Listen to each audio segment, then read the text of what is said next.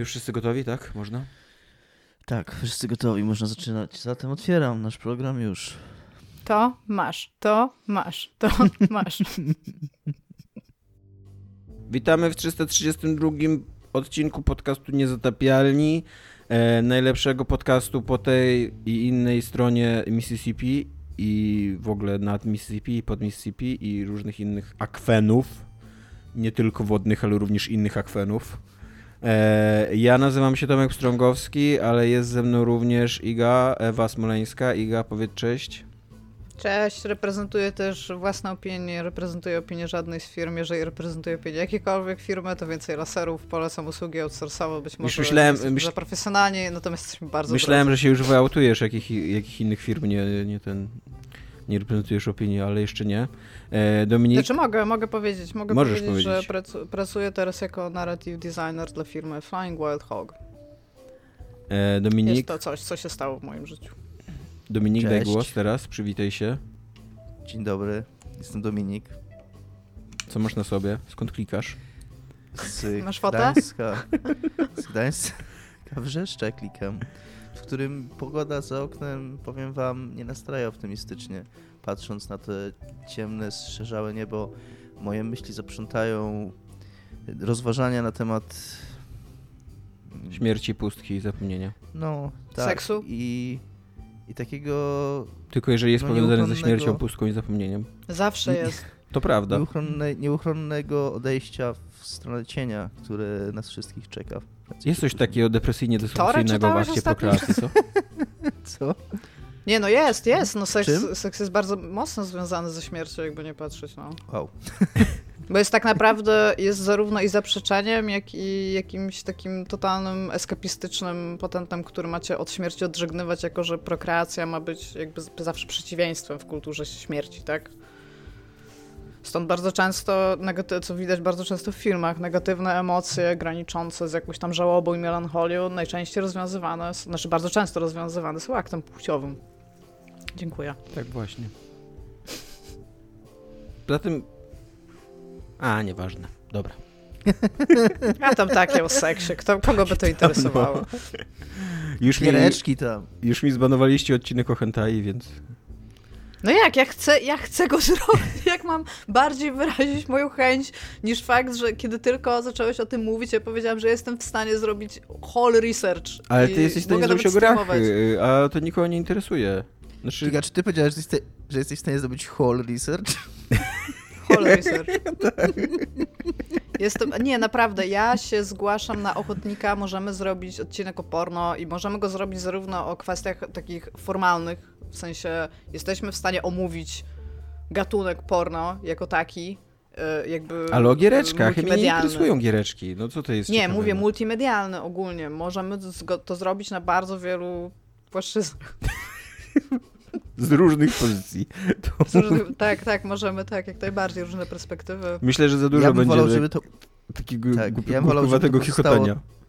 że to, żeby to pozostało w takiej sferze, mm, tak jak mamy odcinek, który go, który nagraliśmy i który już go już nigdy nie odzyskamy, To był dobry To- odcinek. Może Tak, on właśnie odcinek było o porno porno. właśnie. to, to oporno Nie będzie był. ten najlepszy odcinek, którego nie nagramy. Z drugiej strony jakby, z, na Z drugiego drugiej bata, strony, no tak. ten, ten żart. To by nie wyszło, guys. Nie jesteśmy za to dojrzali. No To nie wiem, no nie wiem.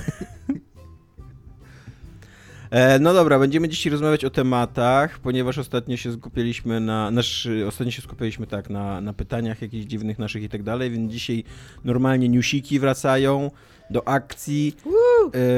E, będziemy mówić o, Vice City i znikającej fladze Konfederacji, niestety tylko w giereczkach na razie. E, Będziemy również mówić o długotrwałym sporze prawnym pomiędzy Nintendo a Bowserem. Jakby w historii też została troszeczkę tak zniszczona ta flaga, nie? To, że ludzie jej używają, to... Nie rozumiem, że w historii Będzie na to czas. zniszczona. No Będzie bo na to po, czas. wo, po... Dobra, po wojnie Dobra. secesyjnej jakby straciła ważność, nie? Ta flaga. Nie. Eee, I będziemy mówić y, o Tomb Raider y, 25-rocznicy Tomb Raidera, ponieważ jest to ważna seria i wszyscy się chyba nią na niej wychowaliśmy w jakiś sposób. e, i jest to ładna rocznica, która nastąpiła 25 października, więc ledwie dwa tygodnie temu, więc my zawsze na propsie z dzieciakami, więc jesteśmy tutaj po prostu na czasie. Zaczynamy od segmentu co jest grane. E, Iga jako pierwsza, ponieważ Iga ma mega interesującą grę, którą ja bym chciał zagrać, która się nazywa Unboxing. Mhm. Iga, Unpacking. Jest w Game Passie. Unpacking. unpa- Unpacking się nazywa. Unpacking. Ma też A- również drugą grę, która z kolei mnie interesuje, czyli The Good Life, więc... Swery for life, ale co ja chcę jestem zainteresowany z to kolei tą drugą grą. BOOM! Y, Staram się znaleźć nie abordaż, ale jak się nazywa takie, że oszukałam was. Szukam Abor- słowa, kończy abordaż. Abordaż, Nie. tak? To się nazywa abordaż. Dobra, boom, abordaż. Przeprowadź to na abordaż, Iga. Dobra, e, bo chciałam na samym początku polecić e, książkę. Chciałam polecić książkę o historii ginekologii, którą to skończyłam czytać e, za sprawą aborcja. serwisu Empik Go. Jest tam również poruszany temat aborcji i właśnie dla, dlatego a, Chcesz polecić? Dlatego chcę ją polecić, bo uważam, że ta książka jest w tym momencie na tyle aktualna. To jest e, książka Torwalda. E, To jest e, znany autor, jeżeli chodzi o historię medycyny. On pisał o chirurgach wcześniej, pisał też o detektywach.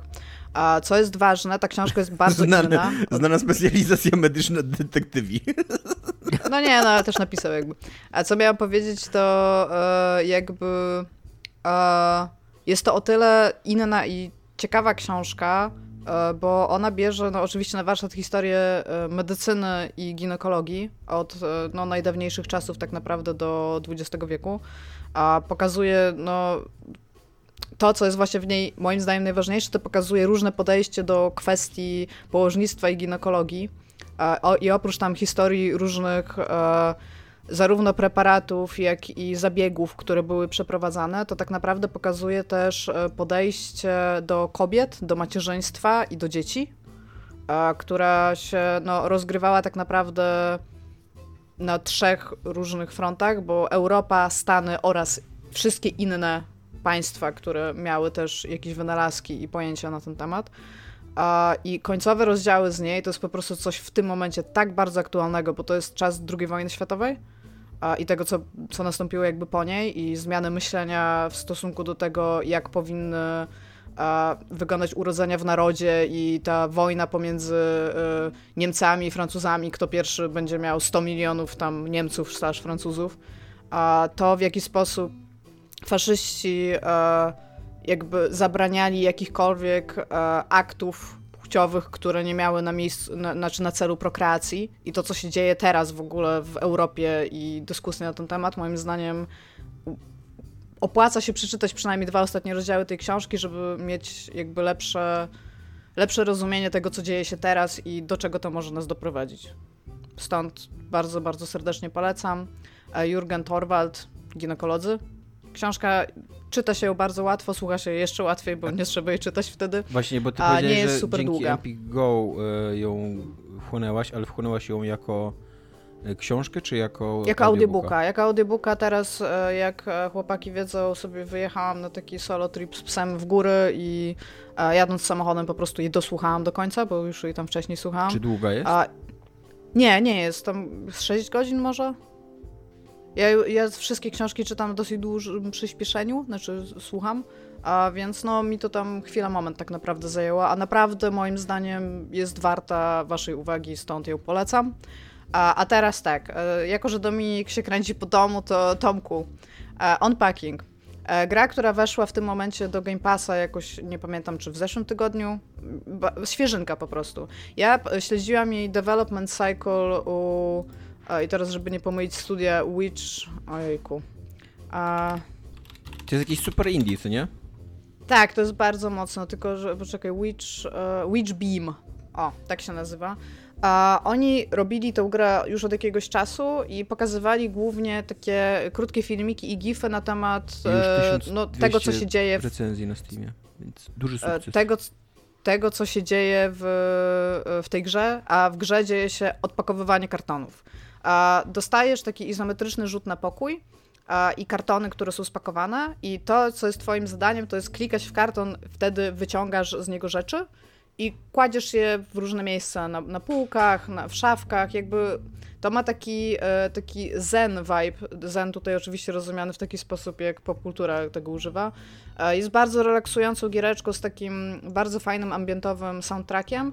No i jest przepiękna, w sensie ona jest bardzo prosta, taka, taka pikselowa, ale w jakby a w dosyć dużym, nie taki pixel art, który ma być minimalistyczny, tylko ona jest pikselowa, natomiast ewidentnie z, jakby skupia się nad szczegółem e, graficznie. Chciałem ci I powiedzieć, Iga, Patent polega na tym, w niej, słucham, że każda grafika jest pikselowa. powiedziałam pixel art, ale tak. Tak, e, Dominik ma rację, są też voxele. Mo, No tak, ale, no tak, ale ostatecznie na ekranie wyświetlane są punkty, nie? tak czy inaczej. Tak, no ale w każdym razie wiemy o co mi chodziło tego, i nie jesteśmy do siebie się niemili, bo tak samo jak, Nie, jak Miga. Tomek e, chciał zaniechać bycia niemiłym dla ciebie dzisiaj w ten niedzielny poranek, też mógłbyś wziąć z niego przykład Dominik, ale miło mi, że jesteś cały czas sobą i nasza znajomość jest cały czas budowana Świetnie, na tym silnej świetnie. podstawie nienawiści twojej do mnie z Nie żadnej, żadnego nie, powodu. nie ma żadnej nienawiści, Nie. chciałem być zabawny. To było On cię, urocze. on, cię, on, cię, on cię disuje, wiesz, tak e, bez żadnej motywacji, tak Tak, tak, bezinteresownie. to Bez- jest, to jest czysty Dominik. nie stoi za tym Od nie, momentu, nienawiść ani niechęć. nim Od momentu, kiedy mnie przy nim posadzili, a nawet chyba dwa dni wcześniej, kiedy poznałam Dominika, zanim przyszłam do WP, to się okazało, że jesteśmy razem na imprezie i zapytał się, jaka jest moja ulubiona gra. Powiedziałam Fallout 2, on powiedział słabo i poszedł. Po prostu, po prostu tak, Dominik pewnego dnia obudził się rano i powiedział sobie, tą igę to zniszczę. I to, to, to, to nie jest tak, tak, że jakieś wiesz, silne emocje się z tym wiązały, albo coś takiego. Nie, tak- taka myśl po prostu trafiła. Ja nic nie niszczę, no. Nic nie niszczę. nie, bo Dobra, chciałem, w każdym razie. Chciałem tylko, ale to jak Iga skończy, bo ja grałem w tę grę chwilę wczoraj, przyszedłem jeden level i mam myśli też.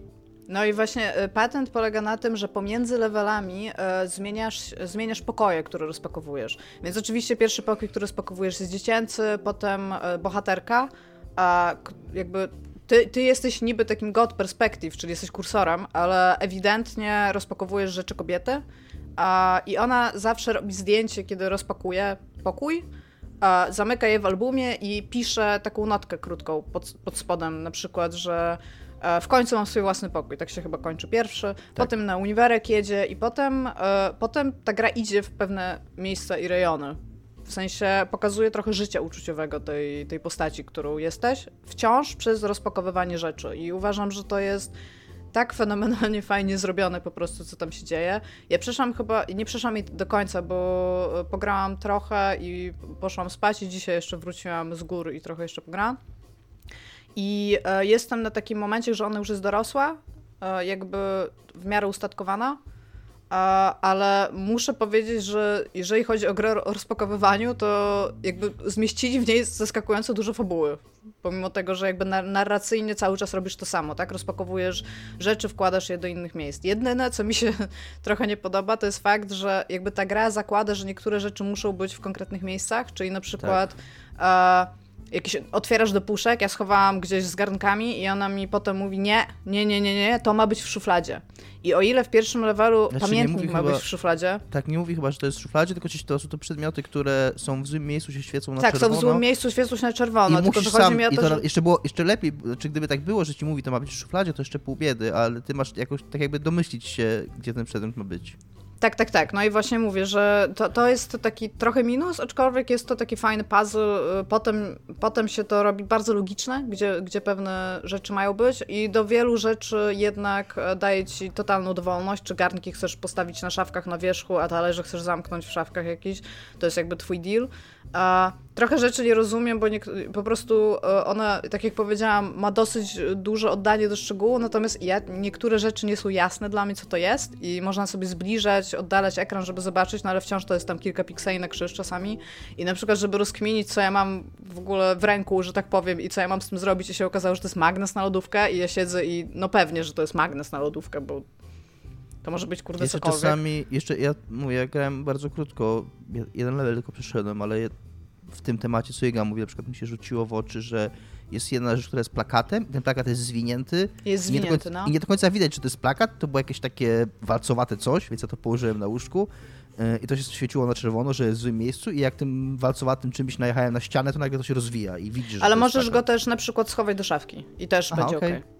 Tylko, że co, co, mam, co, co jeszcze miałam powiedzieć, e, to e, ta gra ma w sobie też ukryte takie małe puzzle, e, że na przykład udało mi się. Znaczy, no, w pewnym momencie się bardzo zdenerwowałam na kuchni w jednym mieszkaniu i tam był toster, więc wsadziłam go do wanny. Jak każda normalna osoba i dostałam achievement za to. Albo e, są magnesy takie, wie, wiecie jak macie magnesy, tam literki na przykład, nie?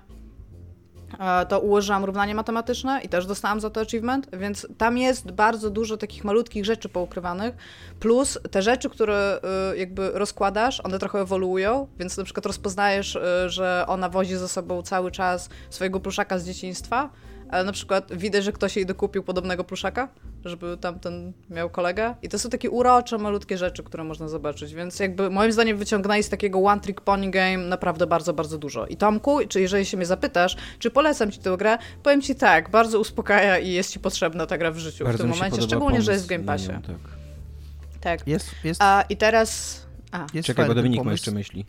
Tak, chciałem parę słów od siebie powiedzieć, że ja przyszedłem jeden level tej gry i o ile zgadzam się z Igą we wszystkim praktycznie, co powiedziała, tak trochę a priori, bo, bo mówię, ja tylko pierwszy level przyszedłem, to raczej nie będę grał w tą grę więcej. Eee, nie dlatego, że, że, że jej nie doceniam czy coś, bo uważam, że to jest fajny pomysł, ale przyszedłem ten pierwszy level i pomijając takie, taką myśl, że ładne, taką miałem myśl w głowie, to dosyć to było takie płytkie, no tam sobie strasznie dużo tych rzeczy w ogóle, ale miała z 15 tych figurek, Ojej, ja w po, już nie, stary, nie, potem jest coraz gorzej po prostu, o Jezu. I- i to nie jest- Tam i to jest nawet takie nie jedno jest tak. mieszkanie. I to nawet nie jest tak na O. zasadzie gry logicznej, że ty kombinujesz, jak to zrobić, tylko kurwa, jak wyciągam 15 ludzika, który jest taki sam, Ale po to jest i po prostu Tak, kładę... ale to jest, no. to jest właśnie takie. Kurde, nie wiem jak często się przeprowadzaliście w życiu, bo ja, Często. ja nie za często, ale jakby sam ten akt rozpakowywania się w jakimś pokoju, albo na przykład e, w ogóle najgorsza rzecz ever, która też się pojawia w tej grze, kiedy się wprowadzasz do kogoś i nagle musisz sobie tą swoją przestrzeń gdzieś tam znaleźć, żeby poukładać rzeczy, to to są takie rzeczy, które moim zdaniem jakby każdy przeżywa kiedyś. Właśnie, no właśnie Iga, być może ty, ty często tak lubisz podkreślać jakieś swoje deficyty emocjonalne w pewnym... Nie, Dominik, jedziesz. Dajesz, dajesz, dajesz, no go. Jesteśmy... You had my curiosity, now you have my attention. Nie w którym kierunku mi się- tym pójdziesz. Przypo- Przypomniało mi się po prostu w jakimś odcinku, nie wiem, czy poprzednim, czy wcześniejszym, mówiłaś o tym, że, Rząd cię Eee, zniszczyć. Że, że nie odbierasz gier, że jakby nie przenosisz, nie identyfikujesz się z postaciami w fikcji, którą konsumujesz, że jakby nie masz tego mechanizmu Mhm, przeniesienia. tak, to jest Więc to, to nie była wrzuta, to było wręcz poświadczenie o tym, że słucham ciebie, że to, co, dla, co to mówisz jest ważne. To jest poświadczenie o tym, że zapisałeś to sobie w zeszycie, co mogę wykorzystać przeciwko Idze Dokładnie, że zbieram na ciebie kwity. I i ja w tym zakresie w ogóle nie mam takich emocji jak wy. Ani nie mam żadnych emocji takich, że właśnie dla mnie to było upierdliwe głównie to ustawianie. Jak się przeprowadza... człowiekiem. Nie, jak się przeprowadzałem, parę razy mi się to zdarzyło, to starałem się robić to. Yy, jak najwięcej rzeczy wyrzucić przede wszystkim. To było coś, co zawsze robiłem, tak żeby się spakować po prostu w parę toreb, ciuchy. Nie mam jakichś takich sentymentalnych pamiątek praktycznie, nie mam przedmiotów, które mi się z czymś kojarzą. Mam tam ze dwie może takie rzeczy. Jakąś Masz robotę. robota od ciebie, który jest super, no i, i tam, nie wiem, stare opakowanie od World of Warcraft kolekcjonerki, które wydaje mi się, że, jest- znaczy nie chcę mówić, że jest ładne, ale po prostu mi się podoba, jak se tu stoi, takie fajny nerdowy artefakt, ale właśnie nie mam czegoś takiego, żeby, żeby jakieś uczucia z tym wiązać, więc to było takie dla mnie mech w sumie ta gra. Tomek Ale to, to, zagrać. to moje deficyty zagram, tak. Na razie zabijam zombie w Left... W, nie w Left 4 Dead, tylko Back 4 Blood. Nie Ja znam. przeszłam Left 4 Dead 1 i 2 ostatnio. Ale w zasadzie jest to Left 4 Dead 3, tak. Fajnie, że macie kolegów i koleżanki do grania w Back 4 Blood. Nice. Ej, ej, nie graliśmy, bo najpierw w piątek ty byłeś na imprezie filmowej, a później w sobotę Iga była sama i w samotności, więc Tak. ja byłem gotów i w piątek i w sobotę grać, więc sorry. Ja byłam sama w samotności, No tak, no byłaś sama w samotności, w samotni. a że w górach byłam, No tak, tak, no. byłam, no. No. Dobra, i teraz e, a, The Good Szybko, Life. bo już y, To jest, dobra, przepraszam, to jest gra Swearego. Swearego kocham, bo Swery zrobił Deadly Premonition, co jest w ogóle takim moim, nie powstrzymuj, moim wielką miłością. Mówi, Iga mów. A właśnie przerwałeś, żeby powiedzieć mi, że mam mówić. Dzięki Dominik, tam po prostu nie zmieniaj się nigdy. A, i, I tak samo jak e, Deadly Premonition e, jakby stawiało cię w takim dziwnym, dziwnym miasteczku, gdzie zdarzyło, no praktycznie Twin Peaks się stało i jesteś praktycznie w Twin Peaks. To tak samo w The Good Life jesteś e, jakby nowojorską fotografką, która przybywa do angielskiej, na angielską wieś po to, żeby zbadać sekrety miejsca i tego, dlaczego to jest najszczęśliwsze miejsce na Ziemi. I teraz tak samo jak w Deadly Premonition i tutaj masz taką całą jakby postaci dramatu, taka plejada jest po prostu postaci i twoim głównym zadaniem jako, e, jako, jako gracza jest robienie zdjęć bardzo wielu rzeczom. Czyli e, chodzisz, masz na samym początku bardzo zła, bo to jest taki RPG e, slice of life bym powiedziała, gdzie musisz się nauczyć na przykład o której godzinie jakiegoś dnia ktoś gdzieś będzie i kiedy możesz go zaczepić i coś zrobić. A przy okazji, tak samo jak Deadly Premonition, tak i tutaj Swery stara się po prostu złapać wszystkie sroki za ogon, więc masz tutaj też jakiś gardening minigame, musisz chodzić i jeść, musisz zbierać przepisy, musisz kupować żarcie. Jest to gra dziwna. Powiem, że grałam w nią pewnie z 5 albo 6 godzin, natomiast nie za dużo robiłam wątku głównego. Robiłam głównie sidequesty i cały jakby yy, taka, taki motyw sprzedażowy tej gry jest taki, że i to nie jest spoiler, bo to się dzieje, to jest dosłownie w pierwszej misji. A kiedy tam przyjeżdżasz, to dają ci dom i mówią ci, że masz nie wychodzić po zmroku, że jeszcze nie jesteś gotowy. I okazuje się, bo co robisz? Oczywiście, że wychodzisz po zmroku. Centralnie masz objective idź snoop around, tak? On to town hall. I że wszystkie, wszyscy ludzie w tym świecie zamieniają się w zwierzęta w nocy, albo w psy, albo w koty. I ty też uzyskujesz za sprawą pewnej kobiety, która być może jest mną w tej grze, jak uznałam, a możliwość zmiany się w kot, zamiany w kota, e, ale wiem też, że istnieje możliwość, że ludzie będą cię rozpoznawać albo jako dog person, albo jako cat person, dosłownie, że lubisz koty albo psy.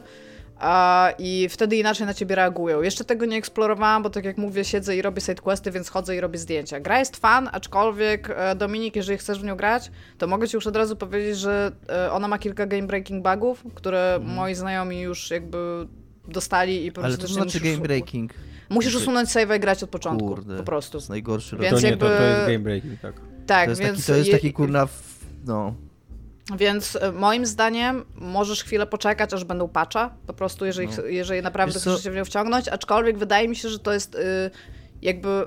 Ja sobie trochę nie wyobrażam, że kończysz Deadly Premonition po prostu przez to, jak ta gra jest zaprojektowana i mi się wydaje, że ta gra ma, ma ten sam no. problem, więc może powinieneś teraz pograć, przejść 6 godzin i stwierdzić cool. Aczkolwiek znaczy, to jest znaczy, podobna pamiętam, gra na 17 godzin, więc... Y, mnie bardzo długo Patryk Fiałkowski zachęcał do Deadly Premonition i są pewne rzeczy, jak czytam o tej grze, które mnie Au. intrygują, ale właśnie myślałem sobie, że The Good Life jest w Game Passie i, ten sam twórca, plus ja lubię takie live simowe elementy, w grach. Znaczy, moim zdaniem ta gra jest urocza. Jeżeli chodzi o moją opinię, ja chcę spróbuję. w nią grać i tylko, że ja jestem na tyle dużą fanką Swearego, że e, nie dość, że przepraszam, do Deep Premonition 2, który jest a trainwreck, ale wciąż kocham tę grę, e, to nawet jeżeli będę mieć Game Breaking Buga, to ja usunę tego save'a i będę grać od początku, okay. tylko że po, prostu to ja, tak?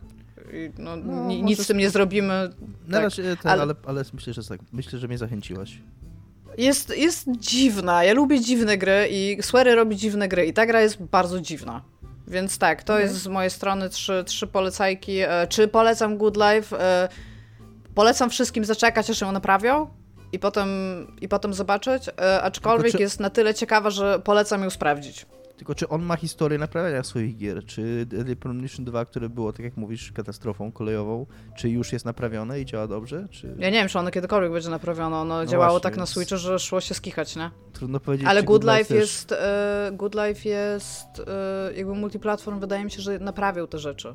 Czy... To, jakby byłeś w stanie przejść Deadly Premonition 2, byłeś w stanie, było bugi, ale byłeś mhm. w stanie przejść. Nie było czegoś takiego, że nagle w ogóle dochodzisz do ściany no. i o, gra tam, wiesz, czegoś nie rozkminiła nara, nie?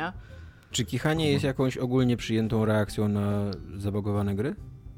Że się można skichać? No. Ja nie wiem, u mnie w domu tak się mówiło, więc Ale najprawdopodobniej nie jest to prawdziwe tak? powiedzenie. Słucham? Jak gra była zepsuta? Nie, że to, to jest ogólnie, że idzie się skichać oznacza, że jak bardzo byś czegoś nie chciał zrobić, to nie da się. Ja, moi rodzice nie nauczyli mnie aforyzmów. Nauczyli mnie dużo aforyzmów, które nie istnieją i ja ich używałam przez bardzo długi czas, po czym ktoś mnie poinformował, że tak się nie mówi i realnie za dorosłego mam bardzo dobrego mojego y, przyjaciela, y, który, zresztą znacie go, bo to Bogdan Graczek, który uczy mnie aforyzmów do dzisiaj i tłumaczy mi, co kto mówi. Więc tak, mam tłumacza aforyzmowego. Okej. Okay. Ale chyba e, skichać to nie, nie jest takie... Ekstrawaganckie. Słyszałem to, że... Nigdy w życiu się nie powiedziałem, żeby, że idzie się Ja skichać. nie, nie, ja nie mówię, że słyszałem to od ciebie, Tomek. Nie, ale w ogóle ja, ja od nikogo nie słyszałem, nie, ani, ani, ani Nie od siebie. też gruba piła, a to też nie moi rodzice To mi to powiedzieli, a potem rozmawiałam z ludźmi i centralnie ludzie mówią, że coś jest gruba piła, że coś będzie Gruba- trudne, Gruba skomplikowane. piła poszła się skichać.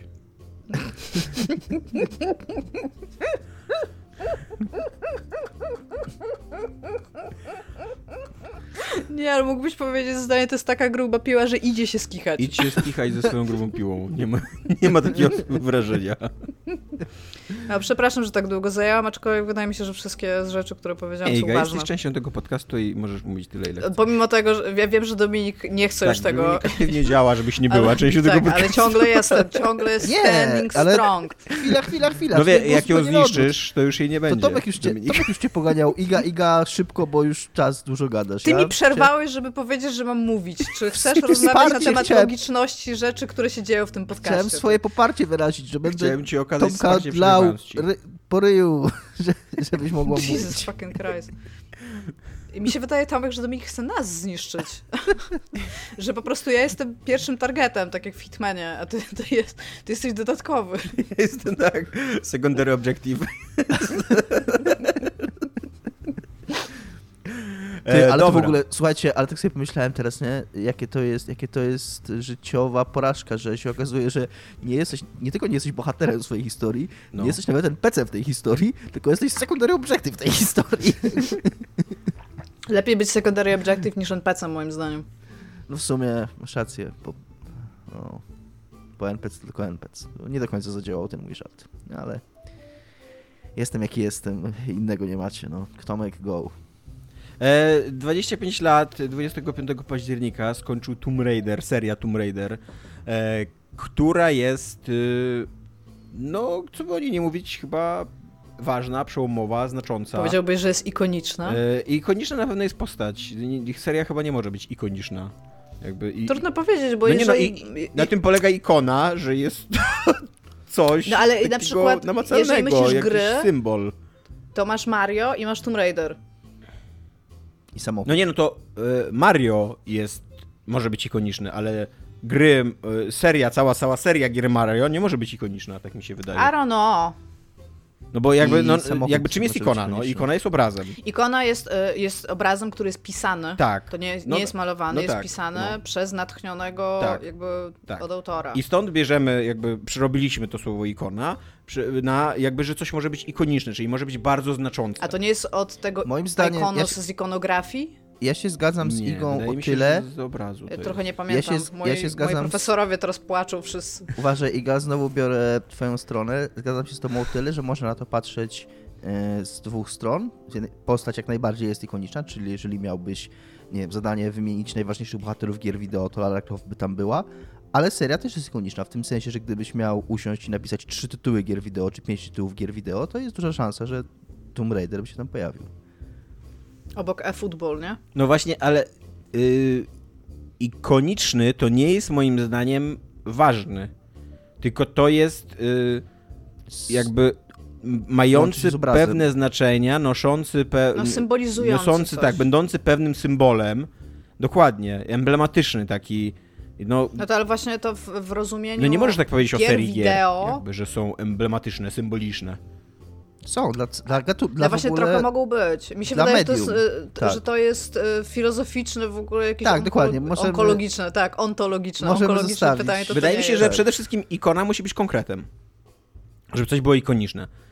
Ikoniczne może być właśnie Ale bohater, to, to już ikoniczne trochę sobie zagranie. teraz, teraz już sobie trochę kombinujesz na siłę, bo tak samo Ogólnie można wszyscy teraz powiedzieć, kombinujemy, to tak nie samo jest można temat. powiedzieć, że Lara jest konkretna, jak że seria jest konkretna. I tak samo Lara się zmieniała, jak i seria się zmieniała. Lara ma pięć różnych y, wyglądów, seria ma pięć różnych y, No nie, no to, właśnie nie możesz powiedzieć, że, że seria jest konkretna. No nie jest jakby. Przede wszystkim No z jest. samego założenia seria nie jest, konie- nie jest konkretna, bo to jest tam 20 gier, co nie? Ale tych Lar No ale ma pewne wyznaczniki, które czynią z tak, niej ma pewne serię, nie? wyznaczniki. Tak samo Lara Croft jako postać ma sześć różnych wizerunków w grach, plus filmy. Nie no, ale plus... Teraz, Ter- teraz to uprawiacie-. Teraz to uprawiacie erystykę taką słuchajcie. czystą, no że, że jakby no, e, e, jeżeli, jeżeli dochodzimy do tego momentu tak, właśnie takiej, takiej dyskusji, że ale zdefiniujmy pojęcia, co nie? Jeżeli waszym zdaniem seria jest równie konkretna jak e, postać, no to nie, no to ja się nie zgadzam na taką Dobra, dyskusję. let's agree to disagree, czyli Nie. jedno z najgorszych rzeczy, które można powiedzieć. Let's agree, że nie macie racji. Nie przejdziemy nad Tu tym, nie? proponuję, tu proponuję rozejm Znaczy- na tej linii. Może, możemy ustalić rozejm na tej linii, że Lara Croft jest ikoniczną postacią, a, Tak. y, a, a se, temat serii Jakby- po prostu zostawić. Yy, Czy jest rozejm y, na, na linii Odry Nie, i Tomek Śląsk jest wygrać. nasz. Tomek wygrałeś. Kropka, Y, no właśnie. Puchar przyjdzie do ciebie Dziękuję. za Nie, ja- dwa do pięciu dni roboczych. Ja jeszcze, jeszcze 5 minut temu nie sądziłem, że to mnie w ogóle obchodzi, ale teraz gotowy umrzeć na tym wzgórzu. No dobrze, i wchodzi te 25 lat i strasznie nas to wszystkich cieszy, rozumiem. E, No właśnie to jest pytanie, czy nas cieszy, jakby, y, bo tutaj nie ma za bardzo o czym, mogę, mogę szybko streścić, co się, co się wydarzy w związku z tym. W związku z tym wydarzy się serial animowany, ale to już było wcześniej ogłoszone, to nie jest żadna nowość. E, e, Ten serial animowany robi Netflix i jakieś studio, miałem nawet dzisiaj zapisane, ale kurde, oczywiście mi wypadło. E, Jakieś studio animowane, e, animacji, nie animowane. E, I e, no i tyle. I, i, i, i będzie, ten, będzie ten serial. Nie będzie na razie żadnej gry dużej. Jakby bardzo wprost y, jest mowa o tym, że nie mamy dla was y, żadnych ogłoszeń w sprawie kolejnego takiego dużego, y, dużego, du, du, dużej, dużej części, będą, co nie? nie? Słucham? Jakieś mobilki tam teraz znowu kombinują. No nie wiem. Bo już ty, ym, to nie jest coś, co mi się wydaje, co, co się ogłasza jakby tak z Mhm. pompą, co nie? że mobilka będzie. Raczej nie. E, y, jakiś czas temu też chyba przy okazji tego 25-lecia pokazali mm, Crystal Dy- Crystal Dynamics pokazało takie wczesne, wczesny prototyp e, Tom, Tomb Raider Ascension czyli takiego survival horroru, y, który miał być jakby Tomb Raider ten nowy. To nie wyszło, został y, zamknięty ten projekt. Trochę szkoda, bo może to by był ciekawy jakiś kierunek, w którym się, w którym się to roz, by rozwinęła ta seria, ale się nie rozwinęła. E, no ale tak, żeby pogadać ogólnie jakby o, o, o tych, o, o Tomb Raiderach, to właśnie py- pytanie moje do was, y, czy, czy to jest dla was ważna seria na przykład?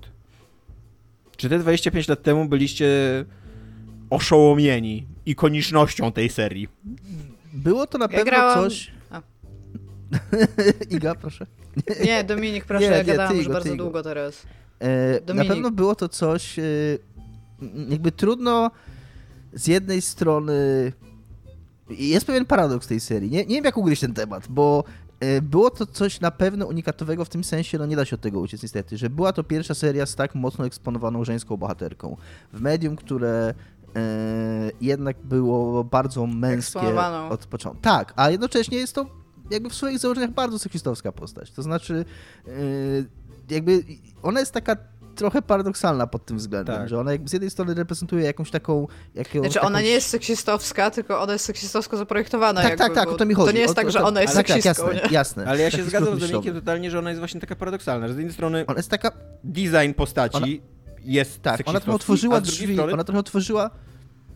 jest to silna, jakby drzwi- świetnie wykształcona kobieta i tak dalej, jakby No ale to był cały jakiś taki konflikt z designerem, nie? Że on nie chciał, żeby z niej Tak. zrobić ten seks symbol, a. I dokładnie to zrobili. trudno od, uciec od takiego prostego faktu, że to jest coś, z czego często sobie gracze, mężczyźni, chłopcy e, nie zdają sobie do końca sprawy, wydaje mi się, że jakkolwiek czasami fajnie pograć panią, to jednak też y, ważna jest taka możliwość y, poczucia się reprezentowanym w grze.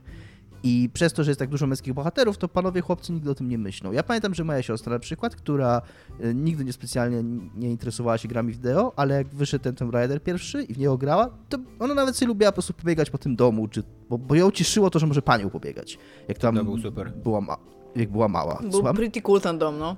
Tak, tak. I ona tam nie, nie umiała biegać, strzelać, skakać, ale po tym domu biegała i się cieszyła, że biega panią. Bo, bo jakby nie czuła, nie, nie miała dla siebie żadnej bohaterki. Jak ja widziała, że ja gram w jakieś gry na tym telewizorze i zajmuję telewizor, to ona nie widziała tam nic dla siebie. I to był taki pierwszy moment, kiedy faktycznie mogła poczuć, że, że jest jakoś reprezentowana. To też jest ważne. Nie, nie, nie jest to jakieś... Jest, oczywiście, że jest. Ja na przykład, jak, tak. jak grałam w jedynkę, ja nie, ja nie pamiętam, żeby to był dla mnie jakiś taki przełom przez to, że gram kobietą. Pamiętam raczej, że strasznie mi się podobał zakres ruchów. W sensie, nie wiem, czy pamiętacie, że ona tam mogła chodzić, biegać. Jak e, się podciągałeś, to miała bardzo taką długą animację podciągania, którą mogłeś przerwać w dowolnym momencie, a pełna wyglądała tak, że jeszcze stawała na rękach i kładła nogi Tak. za siebie i dopiero wstawała. Tym I miejscu pamiętam, że to tylko- było dla mnie takie wow, ale, Tak, ale ta gra były- jest. To prawda, to prawda. Animacje były super. Chciałem tutaj małą erratę zrobić na mojej historii z dziecięctwa, nastolenstwa, że trochę skleiłem dwie różne rzeczy. Raczej nie, nie zajmowałem telewizora grając w tą grę, bo niestety nie miałem konsoli. A pierwszy, coś, czym się zdziwiłem ostatnio pisząc o tej serii, że pierwszy Tomb Raider, Tomb Raider Sega Saturn. wyszedł na Sega Saturn y, i dopiero później były porty na inne platformy.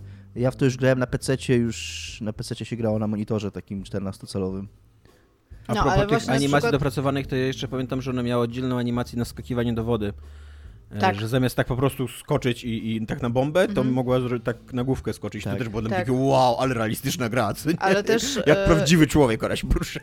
Ja, ja pamiętam w ogóle z jedynki głównie to, że była trudna dla mnie. Pamiętam, że, że y, samo w ogóle poruszanie się nią, żeby ona się łapała w tych miejscach, w których ty chcesz, żeby złapała się ściany i żeby tam się wciągnęła, to, to był jakby jeden poziom trudności, a potem jeszcze były zagadki, które trzeba było porozwiązywać. Sterowanie jak czołgiem, nie? Trochę miała taki tank Mhm. controls, no. A to, to pamiętam to, że po prostu y, po pierwsze trzeba było jakby rozkminić, jak gdzieś pójść, żeby, żeby zobaczyć zagadkę, żeby móc ją rozwiązać. To to pamiętam i chyba nigdy w ogóle wtedy nie przeszłam jedynki, a dopiero dużo później. I pamiętam głównie, że jak wyszła druga część, to chyba w CD Action było jej demo, takie ze strzelaniem do wilków dwoma pistoletami. I pamiętam, że to zrobiło na mnie gigantyczne wrażenie, ale nie na tyle, żeby pograć w dwójkę całą. Więc ja mam taki bardzo dziwny stosunek do tej serii, bo oczywiście, że jak byłam młodsza, to robiła na mnie gigantyczne wrażenie, ale tak naprawdę nigdy nie za bardzo lubiłam w nią grać. Poza takim patrzeniem, jak Lara się rusza, jak e, ile ma właśnie animacji, ruchów. Ten, to pamiętam, że w nią się nie grało jakoś super dobrze. Pewnie na padzie by się w nią grało du- dużo lepiej po prostu niż na klawiaturze i myszce, bo oczywiście, że też grałam na, na PC. Możli- ja pamiętam, jak w jedynce były takie zagadki, takie... Nawet nie zagadki, Takie korbiki się nosiło, takie, pamiętam, nie, tak. takie wyzwania środowiskowe jakby, nie takie, wiesz, że mm, levelowe, że, że musiałeś znaleźć drogę właśnie, jeszcze tam przesuwać sobie w międzyczasie Mhm. jakieś tam te, żeby znaleźć drogę do jakiegoś tam wejścia gdzieś tam. I one były tak zaprojektowane, że musiałeś totalnie idealnie skoczyć, że gdzieś tam totalnie na jednej, na jednej krawędzi musiałeś wyskoczyć, żeby, żeby dolecieć na drugą krawędź. Mhm. I to było na klawiaturze, to było, to było straszne, żeby to zrobić. To, to, to był kurde ból i po prostu zgrzytanie zębami i krwawienie kurde z palców. No ja mam, E, ja Potem- trochę- Mm. ja mam trochę tak jak właśnie, podobnie jak Iga i, i Tomek chyba też, że, że to była gra, w którą się grało, bo każdy w nią grał i ona robiła wrażenie. Nie wiem, czy kiedykolwiek, chyba skończyłem jedynkę w końcu, ale jakoś też później, ale poza pojedynce w zasadzie już żadnej tej części nie, nie, nie grałem więcej niż tam parę godzin do czasu rebootu, nie? Ja No i właśnie i potem był ten reboot, nie? I to było takie wow. Pomimo tego, że w ogóle było Reboot był dużo super, części no. Tomb Raidera, to nagle był reboot i nagle w ogóle się o tym mówiło. I pamiętam, że był ten materiał Conana O'Briana, ten Clueless Gamer chyba pierwszy, który tak bardzo mocno wystartował, że, że on grał tam Larą i się cały czas darł. I pamiętam, że nawet stwierdziłam, man, chcę w to pograć, to wygląda spoko. I były te artykuły na temat e, przemocy seksualnej tego, co tam się dzieje. Tam, ten, I usiadłam, pograłam chyba z godzinę i stwierdziłam, no cool. I tam też, też nie przeszłam. I jakby ja mam takie wrażenie, że o ile Lara jest ważną postacią w historii gier i, i tam whatnot, to w ogóle do mnie nie przemawia ani ta fantazja, którą w sensie, wiecie, lubiłam Indiana Jonesa, jak miałam naście lat max. I, i na, tam, i jakby nie potrzebuję tego jakby rozgrywać teraz w świecie giereczkowym. Nie jest to nie, dla ja mnie się- w każdym razie. Ja się tu nie zgadzam, ja uważam, że reboot Nie był zgadzasz się. super. To była super gra. Znaczy uważam, że tak, ale czy mnie interesowała? Nie. Jakby... Nie zgadzam się z tym. Mniej więcej tak samo jak Uncharted mnie interesowała. To jest praktycznie ta sama fantazja, nie? Tylko, że w jednym masz w miarę spokolaska, w drugim masz typa, który powinien dostać w ryj. Jest tyle. To, bo to jest moja recenzja, kurde, Natana Drake'a. To jest najgorsza postać ever po prostu. Takiej nie lubię. Czy nie, to, nie, to ja- jest masowy morderca przede wszystkim. nie? Znaczy, ale on ma taki ryj, ja mam, go, ja mam go ochoty bić, a nie nim grać, rozumiesz? Nie chcę go oglądać w cutscenkach, a i na ekranie. Jeżeli, może jest mod, że chodzi na przykład z garnkiem na głowie, to jestem w stanie może w to pograć, nie? O Jezu, tylko, tylko trzecia część jest dobra, dlatego że zaczyna się od walki w barze i możesz ją przegrywać i on non-stop dostaje wtedy w ryj i to jest ważne. A ja właśnie, y, ja mam trochę takie ym, sprzeczne emocje wobec tej nowej Lara Croft. Na początku byłem jej dużym fanem, ale nie wiem ostatecznie, bo ym, gadałem dużo z naszym kolegą z WP Bartkiem, który był wielkim fanem y, Croft i chyba jest redaktorem naczelnym ym, tej strony Tomb Raider.pl czy Lara Croft.pl, nie pamiętam jak ona się nazywa, ale jakiejś takiej największej fanowskiej w Polsce, w Polsce strony o, o Tomb Raiderze. No i on, on właśnie mi bardzo często narzekał, że, mm, no, że ta stara Lara była, była fajniejsza, bo była taką silniejszą postacią e, i mm, taką, nie wiem, taką bardziej zdecydowaną, wyrazistą. I na początku e, się z nim nie zgadzałem, bo zdecydowanie lepiej psychologicznie jest poprowadzona ta nowa Lara Croft. Ona przede wszystkim w ogóle przechodzi jakąś taką przemianę psychologiczną, co nie jakieś takie dojrzewanie. Ale z drugiej strony, te, dzisiaj jak tak patrzę już po tych trzech grach, że czy my naprawdę potrzebujemy kolejnej historii o, wiesz, kruchej dziewczynce, która się zmienia w maszynę do zabijania? E, A przy okazji gameplayowo od początku jest oczywiście maszyną do zabijania, tylko, tylko w cutscenkach o tym zapomina. I właśnie nie wiem, czy my, czy my tego potrzebujemy. Jakby ten, ten pomysł pierwszy na, na tą Lara Croft, która od razu jest taką e, profesjonalistką i, em, i super, super e, babką, która sobie poradzi w każdej sytuacji i tak dalej. Y, On w jakiś sposób wydawał mi, wydaje mi się dzisiaj, e, jak o tym myślę, taki bardziej radykalny, ciekawszy, jakiś taki bardziej feministyczny, niż właśnie kolejna taka dosyć patriarchalna historia o kruchej, No nie dość, kruchej, kru, kruchym, taka... kruchym istnieniu kobiecym, które właśnie, wiesz, tutaj poprzez przemoc no. i, i, i mordowanie będzie dorastało do tego, żeby, żeby zostać Tomb Raiderem, bo w ogóle nie wiem, czy wiecie, ale, ale to jest, e, przynajmniej w tej komunikacji takiej marketingowej Crystal Dynamics teraz, e, to, to, to, to, bycie Tomb Raiderem to jest jakiś taki zawód, który ona wychow- wy, wykonuje, nie? Wysadzanie zabytków Hiena archeologicznych to cmentarna, jest... co nie? Czy tam, powinno już do związków, co nie? Dominik, zrobię minę, więc y, zniszcz mnie. Zrobiłem minę, bo się nie zgadzam z tobą. Znaczy, to jest bardzo ładne, co mówisz, ale to jest takie trochę dorobione na siłę po fakcie, taka trochę ideologiczna warstwa tego wszystkiego. Znaczy ja nie chcę, ja nie chcę powiedzieć, że, ym, że ten nowy Tomb Raider jest jakiś strasznie zły, co nie? Tylko, że wydaje mi się, że ten stary może być ciekawszy o tak. No właśnie, nie, nie wiem. Znaczy, okej, nie jestem jakimś fanem tej serii, ale jak dla mnie to jakąkolwiek by tutaj Bartek, nasz wspólny znajomy, historię tej dopisywał, to w pierwszej części przynajmniej to ona nie była żadną postacią. Była po prostu kunapanią z cyckami. I Mi się wydaje, że ona i- była postacią, tylko my graliśmy Nie, w tą grę bez była. przerywników, wiesz? Ja grałem, Stary, ja była grę ona, z- ale ja weź grałem popatrz- w tą grę z, grałem w tą grę z przerywnikami Okej, i ja ona bez. nie miała żadnej drogi, nie przechodziła żadnej, żadnej historii. po Tak, prostu, ale popatrz, z jakiego miejsca ona No ale właśnie to jest ciekawe ona, chyba. Ona ma Że nie się dość, nic nie dzieje z tą postacią, jest ma ciekawe? dużą tężyzną fizyczną, ma dużą zręczność, przy okazji jest mega nadziana, widziałeś jej dom. Jest, No właśnie wiadomo, cechą jest charakteru to, archeologiem, jest jest wykształcona, jest to, że jest bardzo bogata. No. ale tak, bo jest bardzo bogata, to jest fakt, nie? Przy okazji jest wykształcona oraz z jakiegoś powodu, co miało uczynić ją jeszcze bardziej taką sophisticated, mówi po angielsku, w sensie po brytyjsku, Brytyjsku, angielsku. tak. I to, to, to tego też nie, ja nie A, lubię. E, y, ja ci wytłumaczę, dlaczego mi się wydaje to ciekawsze, że ona nie przechodzi drogi. Po pierwsze, bo ostatnio byłem zmuszony do wysłuchania ze trzech mm, wykładów na temat, kurde, em, Pramitu, tak? Okej, Jak no, to się nazywa? Czy Może źle powiedziałem, że, że nie Znaczy, przechodzi no, drogi, no, no, no, ale to że... w każdym razie Josepha e, Campbella, co nie? I, i Nie no- jego bohatera o tysiącu twarzy. Nie no, ale daj mi, daj mi skończyć. Okej, tak, tak, sam w to wszedłem, no. I Go. wkurza, wkurza mnie trochę to, że każda, każda gra, każda narracja, zwłaszcza growa, co nie, bo tutaj najbardziej się stawia na stereotypy, musi, musi być dostosowana do, e, e, do tego mitu. A właśnie ta, ta pierwsza Lara, ta, która po prostu była super wymiataczem, ona była w jakiś sposób bezkompromisowa. Jakby wchodziła do takiego świata, w którym, e, kurde, Arnoldy Schwarzeneggery, Sylwestry Stallone, inne, kurde, Harrisony Fordy były na każdym rogu i on, oni się nigdy nie musieli tłumaczyć. Nigdy, nigdy nie musieli przychodzić drogi, dojrzewać i tak dalej, co nie? I, i udowadniać, że są macho, ponieważ, kurde, kiedyś byli biednymi, kruchymi chłopcami, ale później życie ich skrzywdziło i nauczyli się zabijać, co nie? Tylko i, i ona wchodziła jakby jak równy z równym, co nie? Na, na, na to... Ja bym bardzo chciała na zobaczyć ring. Historię o przemocy seksualnej, które czyni z jakiegoś kruchego chłopca maszynę do... Ja bym o tym w sensie przez... takiego... Ja bym tę historię zobaczył u Markusie Feniksie.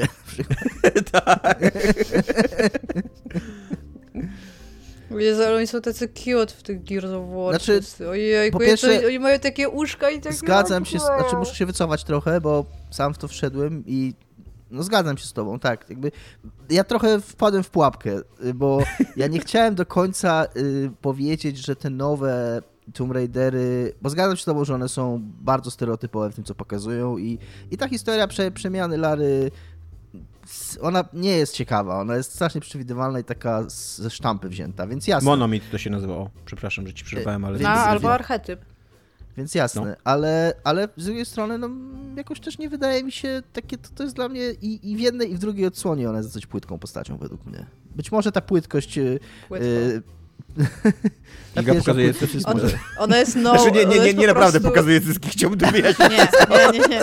Gestykuluje pokazując Tylko biust. wykonała tak, taki gest, żeby zobrazować biust Larry Croft. Boże. Aż tak To- bardzo nie jest to to się oddana wytnie. temu podcastowi. Jakby tak. Tomek, to zastanawiałeś się, zadałeś ostatnio, zadałeś ostatnio pewne pytanie na temat naszego podcastu. Myślę, że ten odcinek może przynieść pewne odpowiedzi na to pytanie. Jakie pytanie zadałem? Nie Właśnie. pamiętam. Dotyczące tego, czy ludzie się masturbują przy naszym podcaście. A, tak. Nie, to, to jest teza, że, że jakby w trakcie powstawania A, no tak. musiała być przynajmniej jedna osoba, która się masturbowała do podcastu. No w Czyli tym w każdym razie ja ten, ten, odcinek, więc- ja ostatnio stwierdziłem, że szanuję, bo to jest trudny materiał. Ten odcinek to jest taki prezent dla tych ludzi, którzy się masturbują w naszym podcaście. To, to będzie łatwiejszy materiał dla Bo was. My już, my już wychowaliśmy te, te, takich, e, taką grupę ludzi, którzy jak my wrzucamy podcast, to dostajemy komentarz, no to czas się masturbować, a ktoś pisze, ja nie mogę, bo mrożę żelki. Jakby e, e, e, jakiegoś, jakiegoś naszego e, przyjaciela, słuchacza, najlepiej Bartka Witoszka, poproszę, żeby oznaczył, jakby napisał tam w spisie treści, w którym momencie ja mówię ten tekst, to będziecie mogli wycelować z klimaksem. I proszę mi o komentarz, odcinek, de- niezatapialni, tam numer, którykolwiek to jest, Iga pokazuje cycki. Ja już, ja tak źle wypadam na tych opisach. To, to, Ty nikt robisz się nie opisy, zdziwi. Nie, no w sensie Aha, e, chodzi w opisach treści, e, dobra. Bartka, tak. Ja, ja tam czytam, co ja, co ja mówię i tak po prostu, jakbyście nie słuchali tego podcastu i z jakiegoś powodu przeczytali tylko i wyłącznie e, te highlighty tego, co ja robię, to, to wstyd i zażenowanie, nie? Moi rodzice nie chciałem są jeszcze- na pewno ze mnie dumni. Ja chciałem jeszcze dodać, że jeżeli słuchała nas i ciągle słucha żona jakiegoś słuchacza, to serdecznie pozdrawiamy. Tak, Nie jesteśmy tacy zawsze, to jest y, wyjątkowa sytuacja, jak to mówią. To wyjątkowa sytuacja jest tak e, raz na tydzień, kiedy nagrywamy podcast, bo tak oprócz tego jesteśmy normalnymi, profesjonalnymi i miłymi ludźmi. Ale jako, że ostatnio nam spadł Patronite, to mamy nadzieję, że po tym odcinku nam urośnie. że, że nastąpi e, erekcja wpłat. tak bym to Nice. ujął.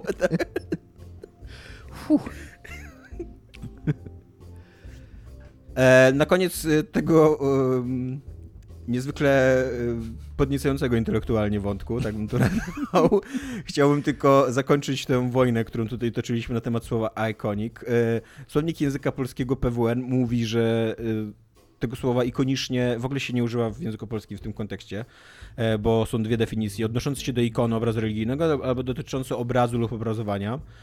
Natomiast słownik Marian Webster em, angielski podaje definicję jakby te, o które nam chodzi, czyli widely recognized and well established, albo widely known and acknowledged especially for distinctive excellence. I na przykład jest iconic writer i iconic wines, albo iconic brand name, czyli że wychodzi na to, że Dominik ma rację, y, zwracam wam Śląsk, E, jest wasz, róbcie z tymi Wow, ślązakami, mamy co tam chcecie. Śląsk. Dominik, co robimy ze Śląskiem? Tak. Znaczy, ma, ma, ma, macie rację o tyle, że e, jest to, że po angielsku wy macie rację, a po polsku w ogóle nie powinniśmy chyba używać tego słowa, po prostu jest Dlatego to cały czas ja, ja jak e, zaczęłam, brudny makaronizm. Jak ja, jak ja powiedziałam, powiedziałbyś, że ikoniczne to jest taki przytyk do Ubisoftu, co tam oni wszystko mają Tak, iconic, tak. nie? To o to mi głównie chodziło. Miało być śmiesznie, wyszło jak zawsze, poszliśmy w metodologię, zaczęliśmy sprawdzać definicje słownikowe. No nie wyszło jak miało wyjść, ale no przynajmniej jesteśmy Jest to, w czymś. jest to makaronizm, to prawda, ale jest to dosyć akceptowalny, wydaje mi się, makaronizm, z którym zaraz będziemy wszyscy się godzić, bo ma takie samo brzmienie i takie samo, tak jakby, taki sam jest ten, ten, jakby droga od tego znaczenia słownikowego polskiego do tego znaczenia przenośnego. mm, Ale okazuje się, że jedna trzecia, jedna trzecia społeczeństwa może źle rozumieć jakby ikoniczność. Ta najlepiej wykształcona jedna trzecia z doktoratami i tak dalej. wie, wie, wiecie. Dobra, dalej. Do, Dominik, co jest grane u ciebie, ponieważ ty też, co zaskakujące, masz dzisiaj dla mnie ciekawą giereczkę. Tak, mam giereczkę, która nazywa się The Forgotten City. I, I tak, nie spiesz tego, bo masz mi ją sprzedać. E, Jest to gra studia, która nazywa się, które ma najnudniejszą, na- dobra, to się nie zaczyna dobrze, ale które ma najnudniejszą nazwę w historii, bo studio nazywa się Modern Storyteller. E, Jest to studio za... No, to jest tak, Już się skończyły ogóle nazwy gier, które są... We Make Games. tak, dokładnie. We Make Games autentycznie jest fajną nazwą. Game za raz. E, I jest to studio, które ma trójkę tak naprawdę e, pracowników, którzy w 2016 roku zaistnieli w świecie modem do Skyrima o dokładnie takiej samej nazwie, Forgotten City. E, I później tego moda e, na silniku Unreal zrobili z tego grę, własną grę, jakby odłączając się od, e, od Skyrima, od silnika Bethesdy, e, że móc to sprzedawać jako, jako osobny produkt. I z tego co patrzyłem, tam twoja metryka Steamowa, nie pamiętam jej, zawsze ją zapominam, ale no, jest to bardzo duży sukces. Jakby ten, ten mod od początku, od początku był wielkim sukcesem i dlatego yy, stąd w ogóle ta decyzja o zrobieniu z niego osobnej gry. Yy, I też po, po stworzeniu tej gry widać, no ma 3000 recenzji na Steamie. Yy, plus jest teraz w Game Passie i, i, i naprawdę no jest, to, jest to takiego coś, coś dość głośnego. Czemu? Jest to tak w swojej istocie taka trochę, zmierzamy? taka trochę gra przygodowa, yy, przygodowo-logiczna w konwencji yy, RPG Bethesdy. Jakby ona trochę, mimo że jest, mimo, że jest zrobiona na własnym silniku ich, no to yy, oni zachowali cały gameplay z tego modu. Tak to rozumiem, bo to bardzo czuć, że to była gra na no, bardzo wielu poziomach, że to była gra na silniku Skyrima. Więc to jest trochę tak, jakbyście sobie Tomkowi takie porównanie ukułem. To jest trochę porównanie na wyrost, że to jest taki trochę Obradin, w Sky, jakbyś sobie wyobraził Obradin zrobione w Skyrimie.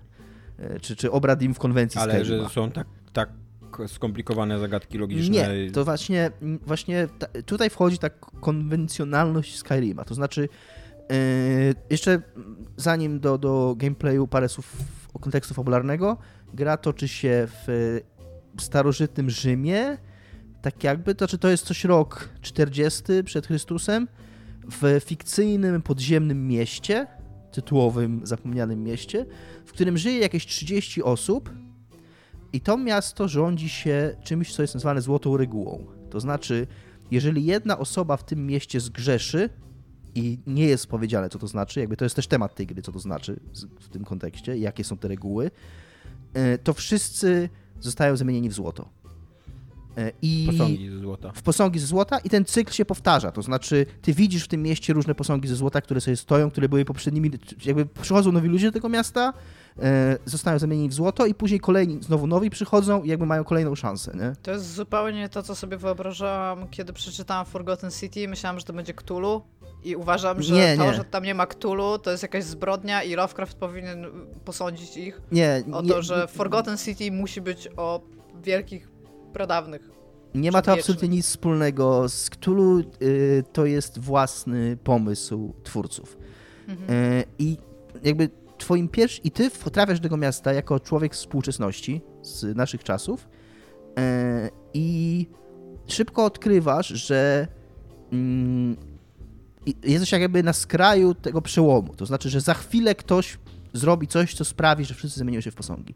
I faktycznie ty chodzisz po tym mieście i nagle słyszysz głos taki boski z nieba, że teraz y, y, liczni zapłacą za zbrodnię jednego. I te posągi złote ożywają, zaczynają strzelać strzałami, które wszystkich zamieniają też w złote posągi. Wtedy uciekasz do takiego portalu i resetujesz pętlę. To jest gra z time loopem. I trafiasz, Mm, na, nice, nice. trafiasz na początek tego dnia i de facto powtarzasz ten dzień, starając się. Mm, to, to jest twój wyjściowy cel. Odkryć, kto popełnił Odkryć, grzech. tak, kto popełnił grzech. Oczywiście, jak się zapewne domyślacie, jak odkryjecie, kto popełnił grzech, to się okazuje, że za chwilę ktoś inny popełnił, albo zmienia się jakoś sytuacja tak, że mm, coś innego się dzieje i, i, i jakby chodzicie po Czyli wszyscy powtarzacie- są i taki tak pisani na Doom. tak, jakby nie tak. ma... Jakby okej. to, to, to też jest temat trochę tego, czy w ogóle, czy to w ogóle jest możliwe, żeby, że- żeby coś takiego miało rację bytu. Też przez, no ta gra bardzo dużo, zaskakująco dużo rusza takich tematów, że właśnie jakby pierwsze pytanie, które się pojawia w ogóle, czym jest grzech? No grzech się wydaje jakby takim pomysłem katolicko-chrześcijańskim, nie? Nie wiem, czy czy, czy, czy pojęcie grzechu istniało w starożytnym Rzymie, nie? Więc to jest, przynajmniej ja nie jestem historykiem i mam bardzo mało wiedzy z tego zakresu, no ale to było dla mnie Ale chodzi pierwsza... o samą terminologię słowa grzech, samo, tak? A samą, sam, sa, Okej. syn, sam, sam termin grzech. Nie, że występowanie nie, przeciwko nie, jakiemuś nie, że występowanie zła, okej, tylko, prawu. czy tam prze, łamanie przepisów, tylko tam konkretnie słowo grzech jest używane, więc to tak mnie zastanowiło. Ale jest to coś, jakby uspokajam, to jest coś, co ta gra rusza. To też jest bardzo ważny wątek w niej. Czy chodzi o przepisy, czy chodzi o moralność, kto definiuje tę moralność i tak dalej. Yy, To, co mnie trochę, nie wiem, czy to, to dla mnie była trochę wada, dla was będzie być może mniej, yy, to jest dużo mniej gra przygodowo-logiczna niż się spodziewałem. To znaczy, tam jest trochę takiego kombinowania, ale jednocześnie przez ten Skyrimowy rodowód to jest gra bardzo mocno zrobiona na questach. Znaczy, ty chodzisz od człowieka do człowieczka, znajdujesz znaczniki, Schylasz robisz questy. się i bijesz z łuku. To jest Skyrim. Jest trochę strzelania z łuku niestety i to jest najsłabszy element tej gry, bo jest tutaj jest sekwencja akcji. Dwie właściwie, czy trzy, jedna najdłuższa trwa może tam pół godziny czy coś takiego. Yy, Jest dosyć dziwna sytuacja z nią, bo gra cię informuje, że można ją ominąć. Jest taki dialog, który jakby rozpoczyna tą sekwencję i tam jest taka anotacja, że jeżeli nie lubisz elementów akcji i horroru, potem jest taki leciutki twist Jaki to jest w ogóle straszne. Lubię elementy horroru, nie za bardzo lubię elementy akcji, co mam zrobić. to możesz, to możesz pominąć. To nie, nie, nie wiem, jak to działa, bo po prostu wtedy, jak to pomijasz, to ta sekwencja się nie odpala, ale tam znajdujesz bardzo ważny przedmiot, który jest bardzo potrzebny w dalszej części, więc być może mo- bez tej sekwencji, nie wiem, można tylko jedno zakończenie zobaczyć, bo jest kilka zakończeń w tej grze, ale to za chwilę. E, Będę jakby skończę ten wątek e, tego, że to nie jest do końca gra przygodowa. To, to nie jest za bardzo ta gra, w której możesz się zaciąć, że tam jak w Obradin, e, to jest takie, mówię, Obradin Light, to znaczy te, też chodzisz po tym po, tej, po tym ma, niewielkim mieście, w, patrzysz tam w różne zaułki, odkrywasz różne małe historie ludzi i starasz się z tych małych historii ludzi ułożyć jakąś większą całość. Więc w tym sensie jakby tutaj mi ta, ta analogia do Obradin przyszła do głowy. Natomiast dużo mniej tytułów musisz sam myśleć. To znaczy generalnie masz po prostu znaczniki, e, te, e, cele tych poszczególnych questów i chodzisz od człowieka do człowieka, rozmawiasz i w tym toku rozmowy dostajesz nowe informacje, które generują ci nowe questy, generują ci nowe cele tych questów i w ten sposób e, tam idziesz do przodu cały czas w tej historii. To też, co troszkę eliminuje taki element logiczno-przygodówkowy, jest fakt, że zachowujesz przedmioty z lupa na lup. E, Pierwszą rzecz, jaką zrobiłem, i to później sobie recenzję Jaciego oglądałem, bo jakoś tam miałem ostatnio fazę na przeglądanie jego recenzji i on się swoją drogą bardzo pozytywnie też tej grze wyrażał i miał dokładnie takie same doświadczenie jak ja, czyli ty, jak zaczynasz pierwszy raz tego lupa, tego lupa, to zostaniesz, prowadzą cię do szefa tego miasta, jakiegoś tam, nie wiem, zarządcy, który, który egzekwuje te przepisy w, mm, i, i dba o to, żeby nikt nie popełnił tego grzechu. I on ci tłumaczy tą zasadę, tłumaczy ci, że nie będziesz nic zabić, po czym pierwsze, rzecz, jaką zrobiłem, to odwróciłem się, wyszedłem, wszedłem do pokoju i zabrałem złoto, które miał w skrzyni. że tam po prostu, gdyż to się robi yy, w takich grach, nie? że... No ale że, co, i popełniłeś grzech i Tak, i, i, odpaliłeś lupa? tak, i odpaliłem tam to trzęsienie ziemi, że musisz Mhm. uciec i, i, i tego lupa odpalić. Z tym, że jak ten lup się zaczyna na nowo, to ty masz to złoto, mm, które ukradłeś i ono się znowu pojawia, więc to bardzo ułatwia, n- nie chcę tu tam spoilować zagadek, które są i tak nieliczne i trudno nazwać je zagadkami, ale to bardzo trywializuje pewne wyzwania, jakie ta gra stawia przed graczem. Że być może gdybyś ty musiał wykombinować, jak w obrębie jednego lupa y, coś zrobić, to byłoby trochę więcej kombinowania. A tutaj jakby wiele rzeczy można zbrut, w cudzysłowie zbrutforsować, nie? Czyli po prostu potrzebujesz iluś tam pieniędzy, żeby coś kupić, to możesz po prostu cztery razy włamać się do tej samej skrzynki i, i, i, i odświeżyć tego lupa. Nie? Być może jakby wymyślili jakiś fajniejszy sposób na zdobycie tej kasy, taki wymagający trochę własnej inwencji, to byłoby to fajniejsze. Ale... y, A i teraz... Dla ciebie. Dla mnie, tak, tak. Yy, I teraz o zakończeniach. Jest kilka zakończeń, z tym, że te kilka zakończeń to nie jest tak na zasadzie, mm, że tam wybór i konsekwencje, że coś jakoś rozgałęzia i są różne zakończenia, tylko to są kolejne zakończenia jakby stopniowane od najgorszego do najlepszego. Najprostsze zakończenie można osiągnąć bardzo szybko. Jakby twoim zasadniczym celem jest ucieknięcie z tego miasta, tak? Yy, I najprostszy, jakby taki mm, poziom zero to jest uciekasz z tego miasta, ale wszyscy inni w nim umierają. I to można osiągnąć bardzo szybko. I, ale jakby ty próbujesz powtarzać to, żeby dojść do, tak, do najlepszego rozwiązania, czyli uciekasz z miasta i ratujesz wszystkich, którzy w nim byli. I to są takie jakby dwie skrajne i jeszcze są A co pomiędzy... ty tam robisz? Jeżeli mówi, bo jak powiedziałeś, że przybywasz tam jako taki współczesny nam człowiek, to ja Mhm. domnie, domniemałam, że ty chcesz po prostu być częścią tego miasta w jakiś sposób. Ale Nie, skoro mówisz, że twoim głównym... zaczyna- No, No, gra się zaczyna. Gra, Mhm. ty nie wiesz w ogóle skąd tam się bierzesz tak do końca.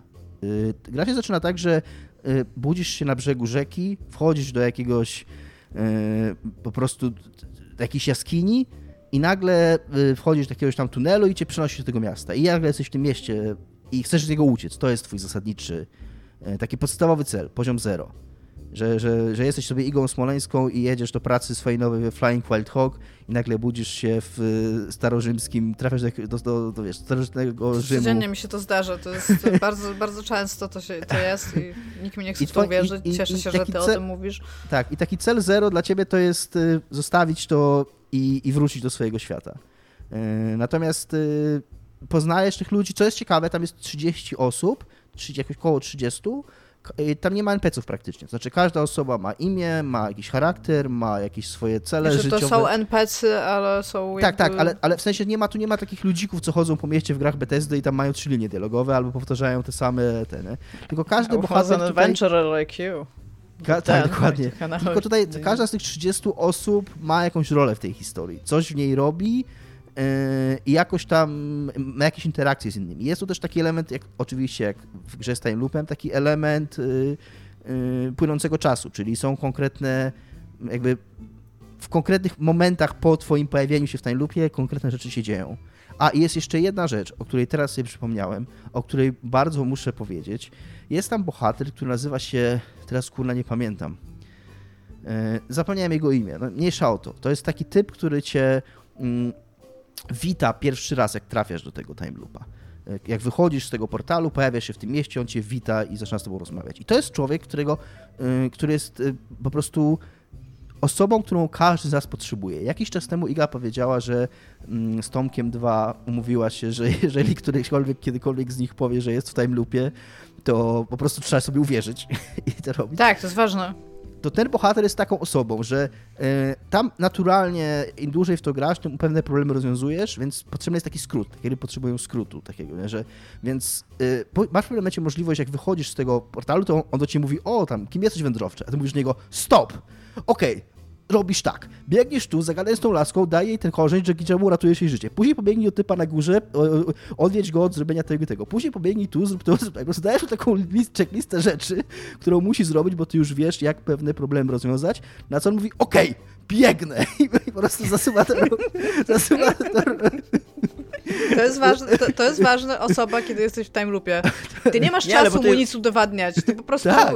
pomóż. Ale mi się wydaje, że nawet on, on nie musi nawet wiedzieć, że jesteś tam lumpy, tylko to on, on to jest bardzo prosta, wiesz, on żyje w mieście, w którym ludzie zamieniają się w posągi złota, nie? I teraz tak, mogę zignorować tego kolesia i założyć, że jest szalony i możemy wszyscy zamienić się w posągi złota. Albo mogę stracić jeden dzień i być może nie zamienimy się w posągi ze złota?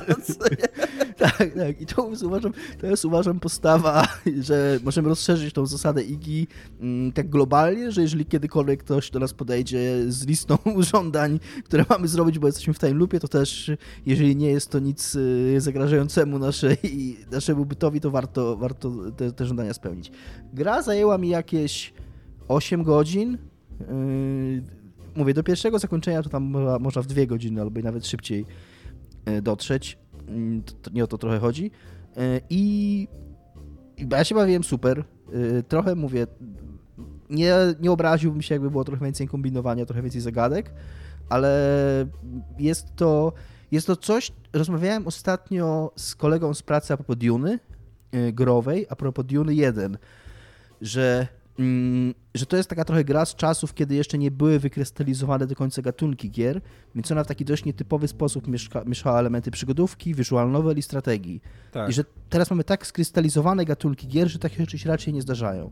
I właśnie jak grałem w to Forgotten City, to trochę miałem taką myśl, że przez to, że to jest y, gra pochodząca i, i rodowód to jest mod, mod do Skyrima, to ona oczywiście nie w takim zakresie jak Duna, ale trochę mm, takiego ma vibe'a właśnie czegoś, mm, czego się trochę nie spodziewasz.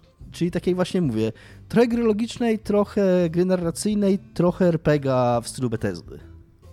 I to, to choćby z tego powodu. To brzmi w ogóle ciekawe. super ciekawe wszystko, co powiedziałeś. Jest to, jest to bardzo ciekawe. Jakby to było w takim klimacie Pain's Creek Killings, to bym, o, ale bym to żarło. O, ja żarła. W ogóle... Pain's Creek Killings to jest taka dobra gra. To była taka dobra gra, Iga, ja ci tak dziękuję za nią.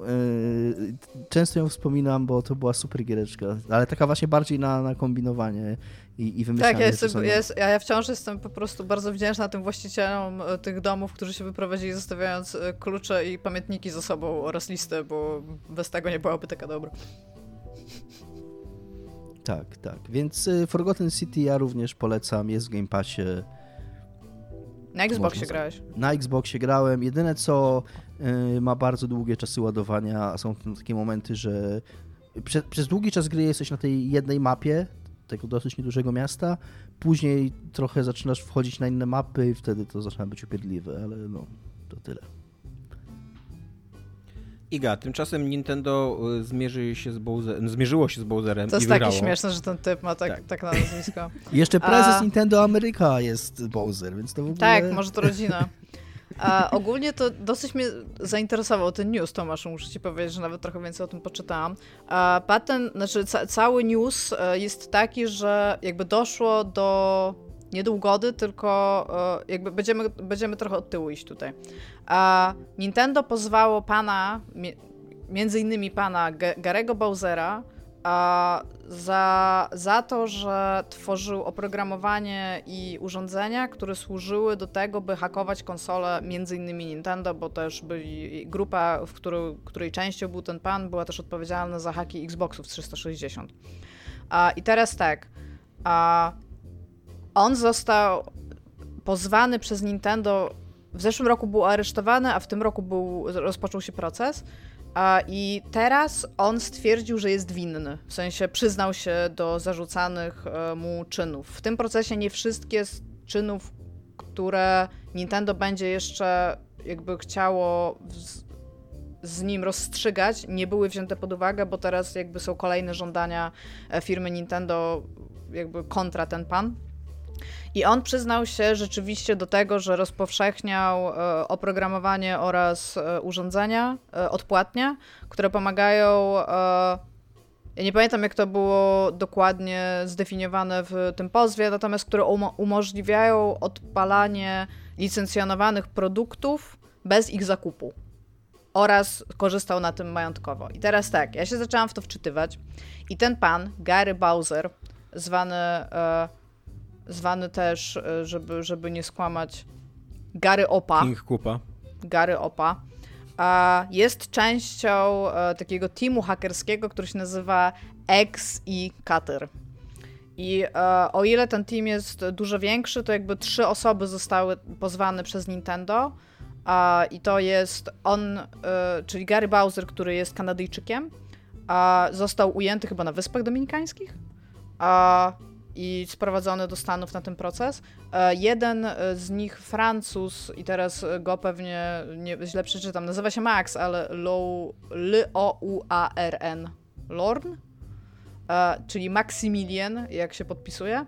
I jest jeszcze z nimi e, pan z Chin, Yuanik Chen. I teraz tak, tego e, Maxa Lorena, być może, e, on jest w Kanadzie i czeka na ekstradycję do Stanów Zjednoczonych, żeby mogli się z nim procesować. Natomiast, jak jest napisane w bar bardzo wielu miejscach newsowych, e, pan Chen jest still on the loose. Więc jakby bójcie się, bo może schakować wam konsolę, jak nie będziecie patrzeć. I teraz, e, co jest, specy- znaczy, co jest bardzo specyficzne, jeżeli chodzi o tą grupę hakerską, bo jakby zgadzamy się, że emulowanie rzeczy, robienie romów, oprócz tego, że oczywiście jest tam w jakiś sposób nielegalne, to zwykle to są takie grupy zapaleńców do bardzo dobrych programistycznie uzdolnionych ludzi, którzy po prostu starają się złamać jakieś zabezpieczenia for the lulz, tak zwane, nie? ta grupa jest inna, bo oni tworzyli oprogramowanie oraz e, wtryskiwacze danych, jak e, zaczęłam o tym czytać, e, które można kupić i to nie są tanie rzeczy jakby i oni na tym bardzo dużo no zarobili na tym bardzo, bardzo dużo pieniędzy po prostu. Na tym, że jesteś w stanie odpalić e, romy na konsolach Nintendo, tam robiąc jeden prosty trik. I teraz w trakcie tego, kiedy on się przyznał, że, że jest winien zarzucanych mu w tym procesie czynów, będzie musiał zapłacić 4,5 miliona dolarów nie wiem, czy w to są włączone też koszty sądownicze, mam nadzieję, że tak, bo to jest bardzo dużo pieniędzy. E, Nintendo jako zadośćuczynienie. Aczkolwiek Nintendo e, też pozwało go osobno, jakby cywilnie, a w kwietniu chyba tego roku, a za łamanie praw autorskich i chcą od niego 2,5 tysiąca dolarów za każde sprzedane urządzenie oraz 150 tysięcy dolarów za każde złamane prawo autorskie. Tylko, że tych praw autorskich złamania mu się zrzuca chyba trzy, więc to nie będzie jakoś tak masakrycznie, że każda gra, jakby, którą, którą oni schakowali, będzie rzeczywiście tak liczona. A, I muszę wam powiedzieć, że przejrzałam ten sprzęt, który oni stworzyli, przejrzałam rzeczy, które, które w ogóle wciąż są na rynku i można je kupić i muszę przyznać, że nie dość, że no, są ewidentnie bardzo uzdolnionymi programistami, że udało mi się to wszystko zrobić, to jeszcze zrobili bardzo ładny jakby hardware do, do hakowania tych konsol. Nie kupiłam żadnego z nich, bo stwierdziłam, że e, jakby nie stać mnie na to, żeby teraz jailbreakowego Switcha kupować, chociaż ten na OLED wyszedł może. No ale w każdym razie jakby... Byłaby jest, je... Iga Smoleńska, still on the loose. Still on the loop, tak mi się podoba, bo to jest ewidentnie jakby, jak ścigasz hakerów, to to nie są hakerzy Angelina Jolie mówi hakerzy jakby, tylko to są ludzie, którzy siedzą y, w domu przy komputerze i są bardzo, bardzo dobrymi programistami i jakby, jak ja sobie wyobrażam, jak on jest on the loose cały czas w tych Chinach, to serce mi czasami staje, jak o tym myślę, po prostu jest, jest strasznie, to straszne to jest rządzie. Mam nadzieję, że szybko go ujmą. A, no i jakby y, jedynym takim bo jakby hakerstwo bierze się z jakiegoś tam e, zamiłowania do anarchii, tak? I faktu, że tam wszyscy, powinien być wolny dostęp do kultury, albo że powinniśmy mieć wolny dostęp do technologii, albo po prostu, żeby udowodnić komuś, że jesteś lepszym hakerem od niego, bo udało ci się złamać jakieś zabezpieczenia. I właśnie sam fakt tego, ile oni na tym zarabiają, bo e, było powiedziane, że on rocznie e, 320 tysięcy dolarów chyba zarabiał w ogóle, w sensie te, ten Bowser, który teraz został jakby przed sądem postawiony, a, że to jest naprawdę bardzo dużo, duże sumy pieniężne ogólnie tam ogarniał dzięki, dzięki tym jednemu prostemu trikowi, żeby ludzie mogli sobie pograć e, na Switchu 3DS-ie, tam oni mieli w ogóle długą historię z hakowaniem Nintendo i Nintendo już od bardzo, bardzo wielu lat e, patrzyło na to, co oni robią. jakby no, nie, nie jest zaskakujące, że przegrali w sądzie z korporacją, a nie wiem, czy nawet zarabiając 320 tysięcy dolarów e, rocznie jest w stanie wypłacić im nagle 4,5 miliona. A, ale no, jakby zobaczymy, co, co przyjdzie dalej i zobaczymy, czy ta cywilna jakby, czy ten cywilny pozew też zostanie rozpatrzony jakby na korzyść Nintendo. E, jako, że przyznał się do winy, to ja nie wiem, jak jest potem z apelacją w, sta w Stanach Zjednoczonych, bo tam to, to różnie chyba w zależności od stanu i tego, jak jak przebiega ten proces, bo tego też nie wiem tak do końca. Natomiast tak, możemy się w przyszłości spodziewać jeszcze, że zarzuty zostaną postawione w sądzie temu Maxowi, Maximilien e, Lorynowi, i e, bardzo polecam wszystkim zobaczyć z ciekawości po prostu na, na, na produkty tych, tych ludzi, bo a nie wiem, czy zdarzyło wam się kiedyś hakować jakąś konsolę tutaj moim współprowadzącym. A no mi się zdarzyło. Znaczy, i... Zdarzyło mi się PSP, ale to było tak proste, że. Tak, bo ja, ja, ja pamiętam jeszcze takie momenty, kiedy już długo po erze PlayStation 2, kiedy już mogłam sobie pozwolić na to, żeby kupić ich trochę więcej, to ja nie wiem, czy pamiętacie, że tam był taki bardzo hard hack, że trzeba było y, w ogóle lutować y, płytę. Żeby, żeby tam styki do siebie doprowadzić i żeby ominąć w ten sposób zabezpieczenia.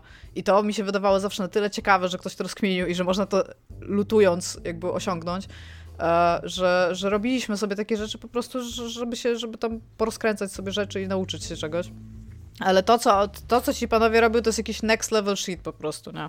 Mówię, oni tam e, musieli zaprojektować te rzeczy. One są normalnie bardzo często zaprojektowane tak, żeby ładnie wyglądały przy Switchu. I jakby tutaj bardzo dużo pomyślunku weszło do, do tego, a no, no nie wyszło za dobrze. 4,5 miliona e, dolarów to jest bardzo, bardzo dużo pieniędzy. Przepraszam, to był ciekawy temat, naprawdę się nim Tak, zainteresowałam. Dużo się dowiedziałem na ten temat od ciebie. Tak. Y, ja powiem od siebie. Y, w... A, jeszcze chciałam tylko powiedzieć, że Nintendo odezwało się też do ludzi, którzy sprzedają e, w sprzedaży takiej detalicznej te urządzenia bardzo często, bo to jakieś sieci sklepów albo coś takiego, żeby tego zaprzestały. Więc może jeszcze więcej na tym zarobią. Że, Tak. Chciałem tylko powiedzieć, że o ile mm, ja bardzo się zmieniło moje podejście w temacie mm, piractwa, e- emulacji, y, dystrybucji powiedzmy innymi kanałami niż oficjalne gier y, od czasów mojego mm, Od czasu lat powiedzmy- 90. chcesz powiedzieć? no, jakoś tak. To znaczy, ja byłem kiedyś takim bardzo wojującym przeciwnikiem piractwa e, i dużo jakby się łagodniejszy stałem wraz z moim y, też skrętem w lewą stronę polityczną. Jakby dużo argumentów przyjąłem od Tomasza Pstrągowskiego e, i od wielu innych wybitnych Tomek, jeżeli nas słuchasz, dziękujemy. E, I na przykład nie jestem już taki skłonny do potępiania szczególnie piractwa, e, jeżeli chodzi o jakieś tam dzieła kultury. I, i, i nie mówię, że to popieram i że tam super ten, ale rozumiem- że są przypadki, w których jest Tak. to w jakiś sposób Natomiast, uargumentowane. do czego zmierzam? Natomiast tutaj mieliśmy do czynienia po prostu z biznesem, no. To, to nie jest tak, ale to taki, to taki ostry biznes jest To był w taki ogóle. ostry biznes y, y, i to już jakby jest coś, co no, ciężko, znaczy o, Jest tak, jest, jest duża różnica pomiędzy ludźmi korzystającymi w półlegalny sposób, nawet, nawet czasem nie nielegalny, bo samo ściąganie nie jest nielegalne.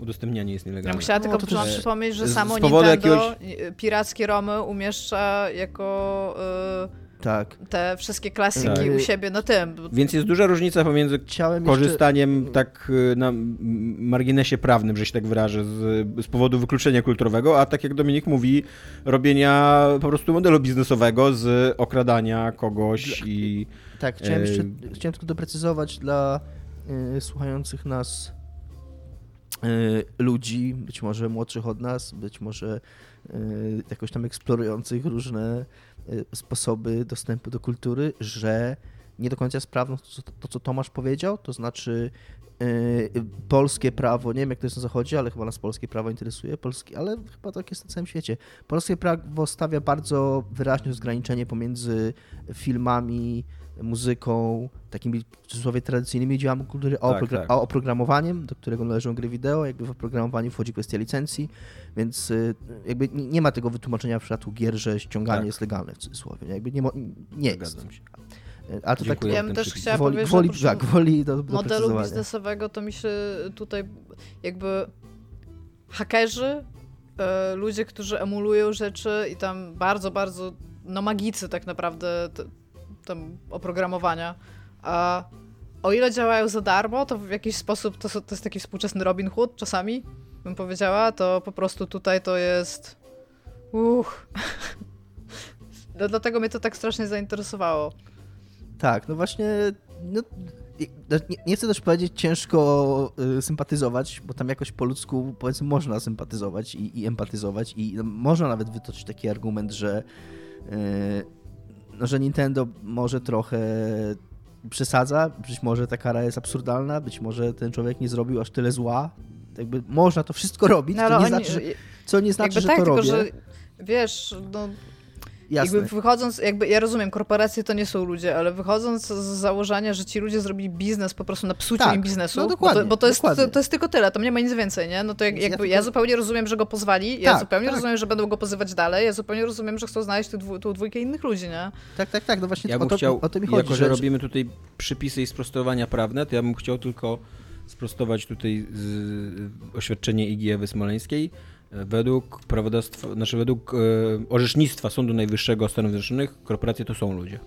Tak, ale jesteśmy w Polsce, na szczęście i tak. Yy, W każdym razie ja tylko mówię tak, że można z nim jakoś tam po ludzku sympatyzować, no to yy, racjonalnie trudno mi yy, jakby powiedzieć, że Nintendo tutaj jakby jest długa historia yy, przesa takiej przesady ze strony Nintendo, tam atakowania ludzi wrzucających po prostu jakieś filmiki z gier, komentarze i tak dalej, ale to nie jest jedna z tych historii. To jest ewidentnie mm, no jakby mieli prawo bronić swojego, swojego Oso, biznesu. ja bym na przykład, tak, tak, te- jakby tak, tylko że jakby też byłoby fajnie, jakby na przykład dali nam gry z N64 bez dodatkowej opłaty tam subskrypcyjnej, jakby guys, Tak. i tak korzystacie najprawdopodobniej Wiesz, z nie swoich fajne? promów. Jakby więc... na konsolach można było grać w internecie bez dodatkowej opłaty.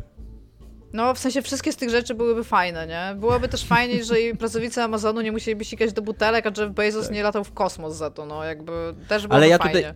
tutaj, y, ja tutaj bym chciał zrobić, ponieważ y, czasem mnie zainteresują różne rzeczy na marginesie, to chciałbym zrobić taką trochę odskocznię od tego tematu, y, a wybić się na tym, co powiedział Dominik, że Odskocznie Nintendo robi nice, nice, dobra, dajesz, dajesz, dajesz. że Nintendo e, robi e, pod górę na przykład ludziom, którzy streamują ich content albo, albo wrzucają filmiki na YouTubie i tak dalej, że wiecie czego mi brakuje? Że autentycznie brakuje mi sensownej, prawdziwej debaty, rozmowy na temat tego, że być może to nie jest do końca fair, że, że są ludzie, którzy mają bardzo, bardzo, bardzo, bardzo, bardzo dochodowe biznesy, istnie, jakby y, istniejące tylko dzięki temu, że mogą pokazywać cudzą pracę, czasami nawet bez komentarza. E, żadnego, co nie? Tylko po prostu po prostu, nie wiem, nakręcić to, jak grają i, i uznają, że to jest dzieło Tak. artystyczne czy coś. Ja się zgadzam. Jakby, ja, ja, ja nie mam tutaj radykalnego jakiegoś poglądu na ten temat. Nie wiem, nie wiem, nie wiem w którą stronę powinny pójść jakieś regulacje, ale, y, ale fakt, że w ogóle o tym nie rozmawiamy, że, że, że, że w ogóle nie ma dyskusji na ten temat, jest przedziwny. Trochę jest. Znaczy zgadzam się z tobą, nie, nie jest to pierwszy raz, już teraz sobie nie przypomnę. Wiem, że ktoś kiedyś próbował w internecie podnosić ten temat i ja się zgadzam z tobą, że racjonalne byłoby go Ktoś podjęcie go. kiedyś w internecie próbował... Natomiast... tak. Natomiast, Nasze przypisy schodzą na psy. natomiast,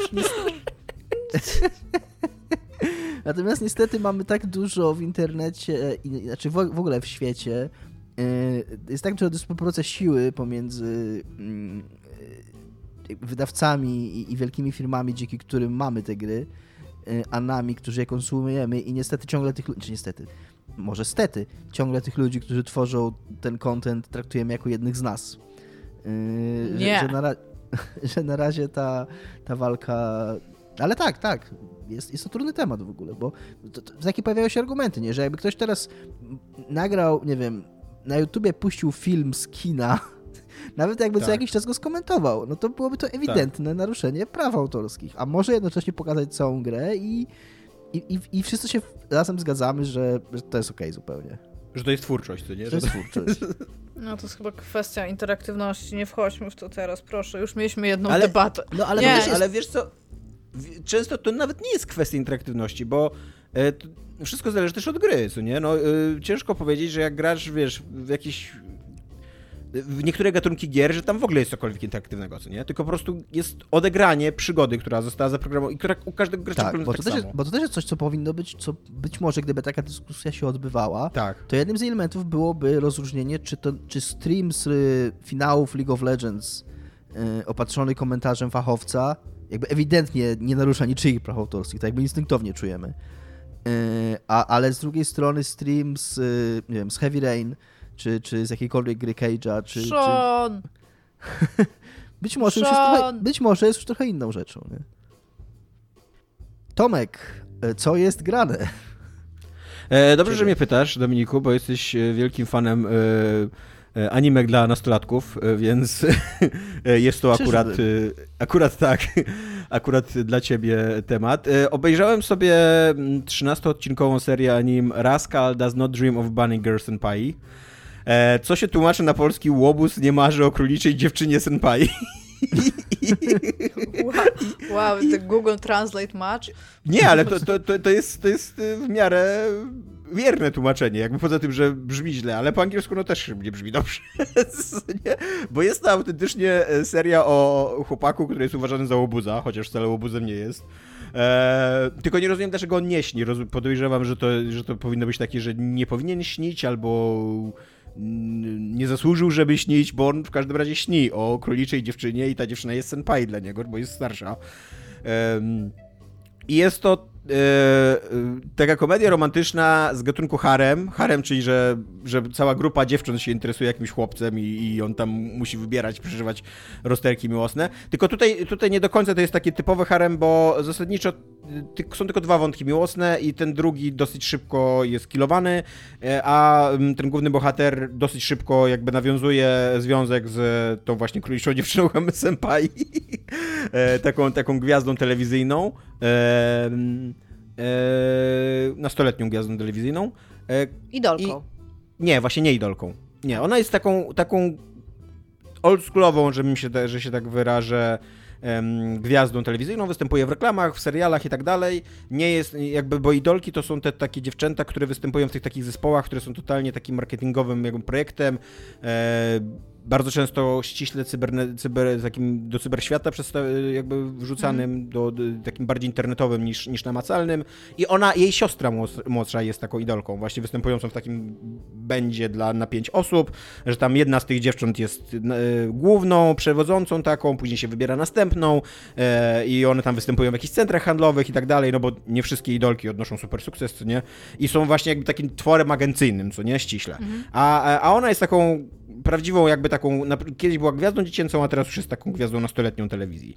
I, I on dosyć szybko jakby tam stabilizuje swój, swój, swoją, swoje uczucie w jej kierunku, e, więc to nie jest taki typowy harem pod względem, pod względem jakby takich e, wątków miłosnych, ale jest to typowy harem pod względem tego, że, jest, e, że to jest serial, który przedstawia bardzo e, taki patriarchalny punkt widzenia, taki tradycjonalistyczny punkt widzenia, że oto jest jeden mężczyzna, którego otacza tam chyba 6 czy 7 dziewcząt i każde z tych dziewcząt, jak się można, podejrze- jak można podejrzewać, bo to są nastoletnie dziewczęta, e, ma jakieś tam problemy emocjonalne i oto ten e, nastoletni chłopiec swoją mądrością, swoim spokojem i swoją empatią tutaj ogarnie teraz te kobiety, powie im jak, jak, mają, jak mają sobie poradzić w życiu, jak, jak mają stabilizować tą swoją emocjonalność. I ja nie wiem, jakby byście sobie baby bez poradziły po prostu na świecie. Nie, masakra by była. Gdyby tak, gdyby nie, gdyby nie istnieli ci mądrzy mężczyźni, którzy wam po prostu tłumaczą, co macie czuć, jak macie myśleć i tak dalej, i tak dalej, co nie?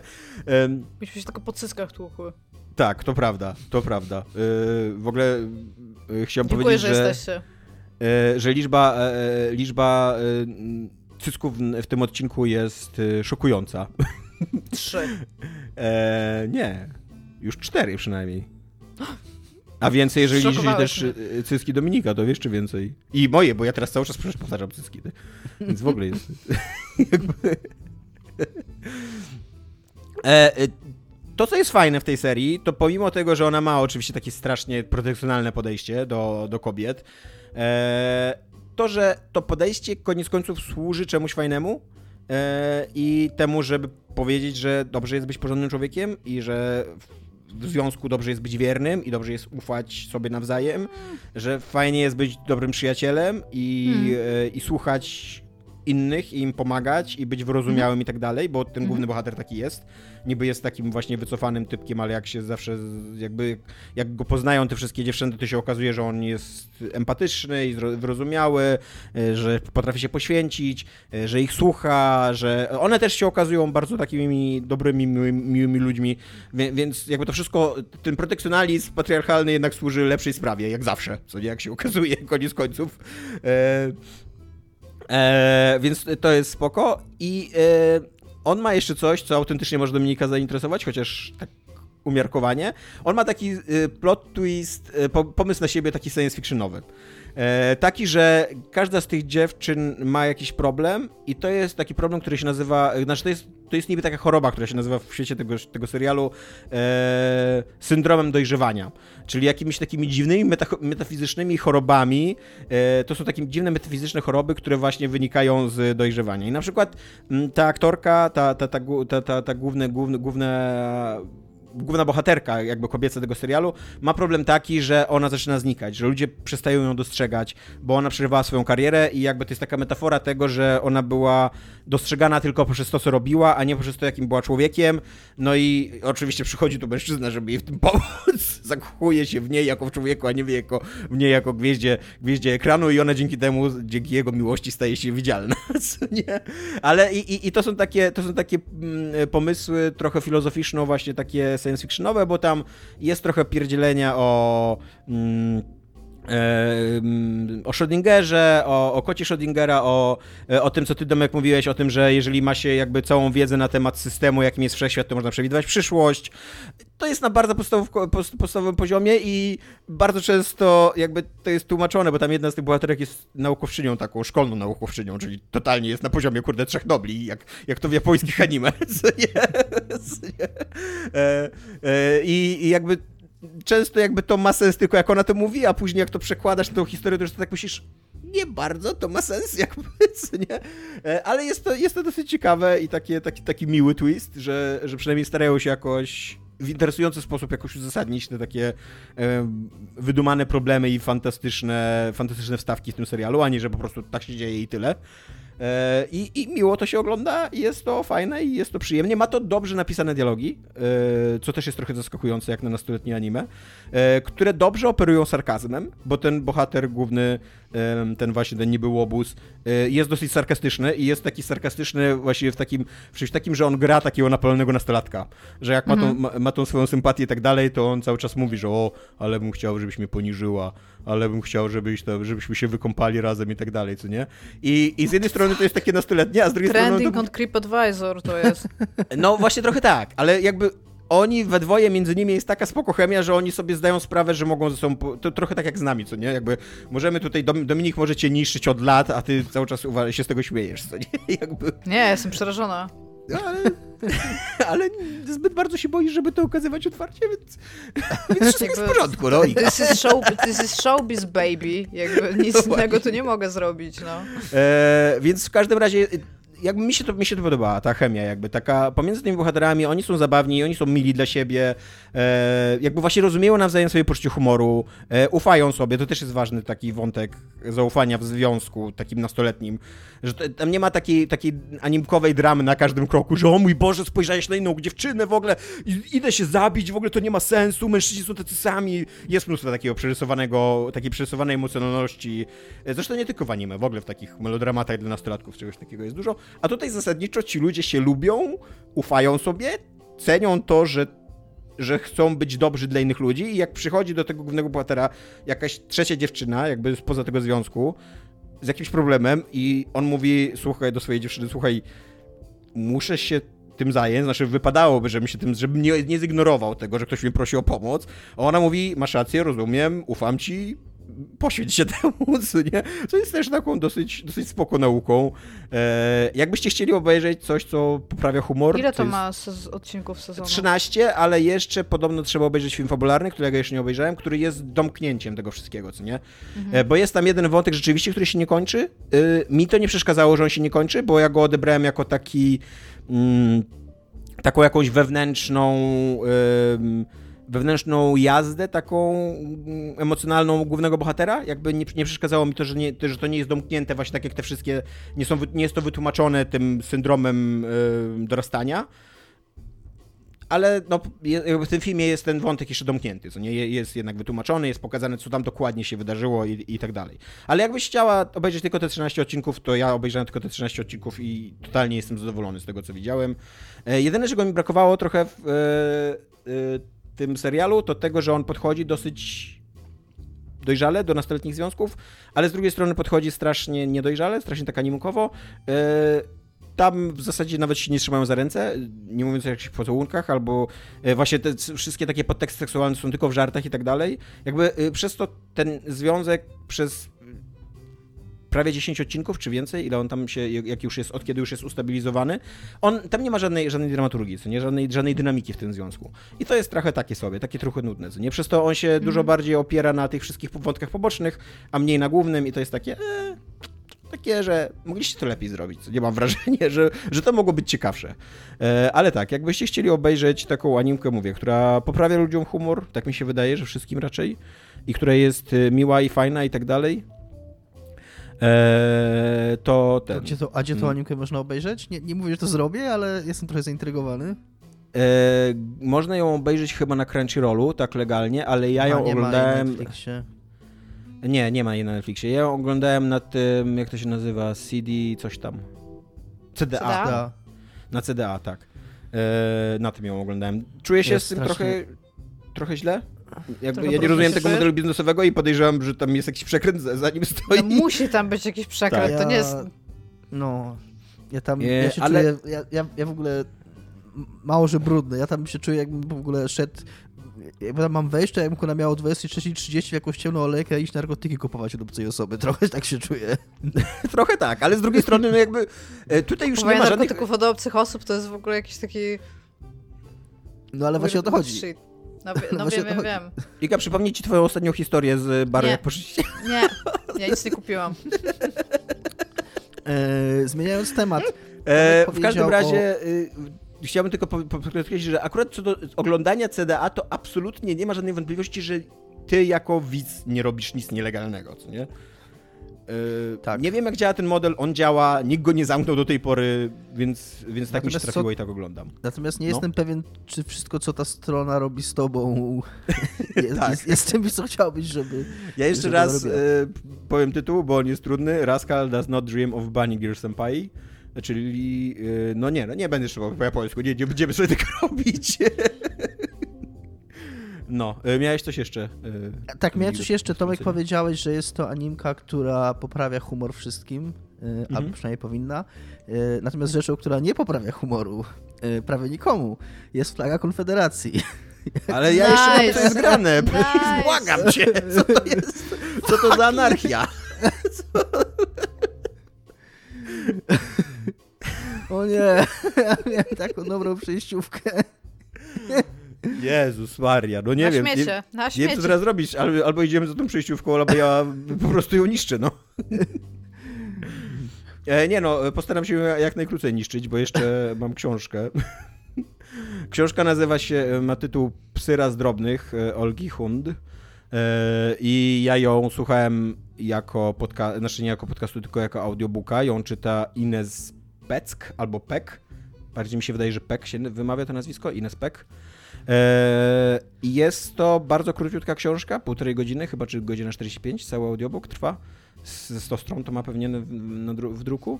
E, z tego takiego nurtu pisania teraz w młodej polskiej prozie o kobiecych problemach emocjonalnych, o przeżyciu depresji i e, jakichś stanów lękowych i tak dalej. Mówiłem wam o em, jak coś tam z centrami handlowymi, e, jak pokochałem centra Jak handlowe. pokochać, jak pokochać, Jak pokochać. centra handlowe. Tak, centra handlowe i e, konie, y, konie świateł myj okna.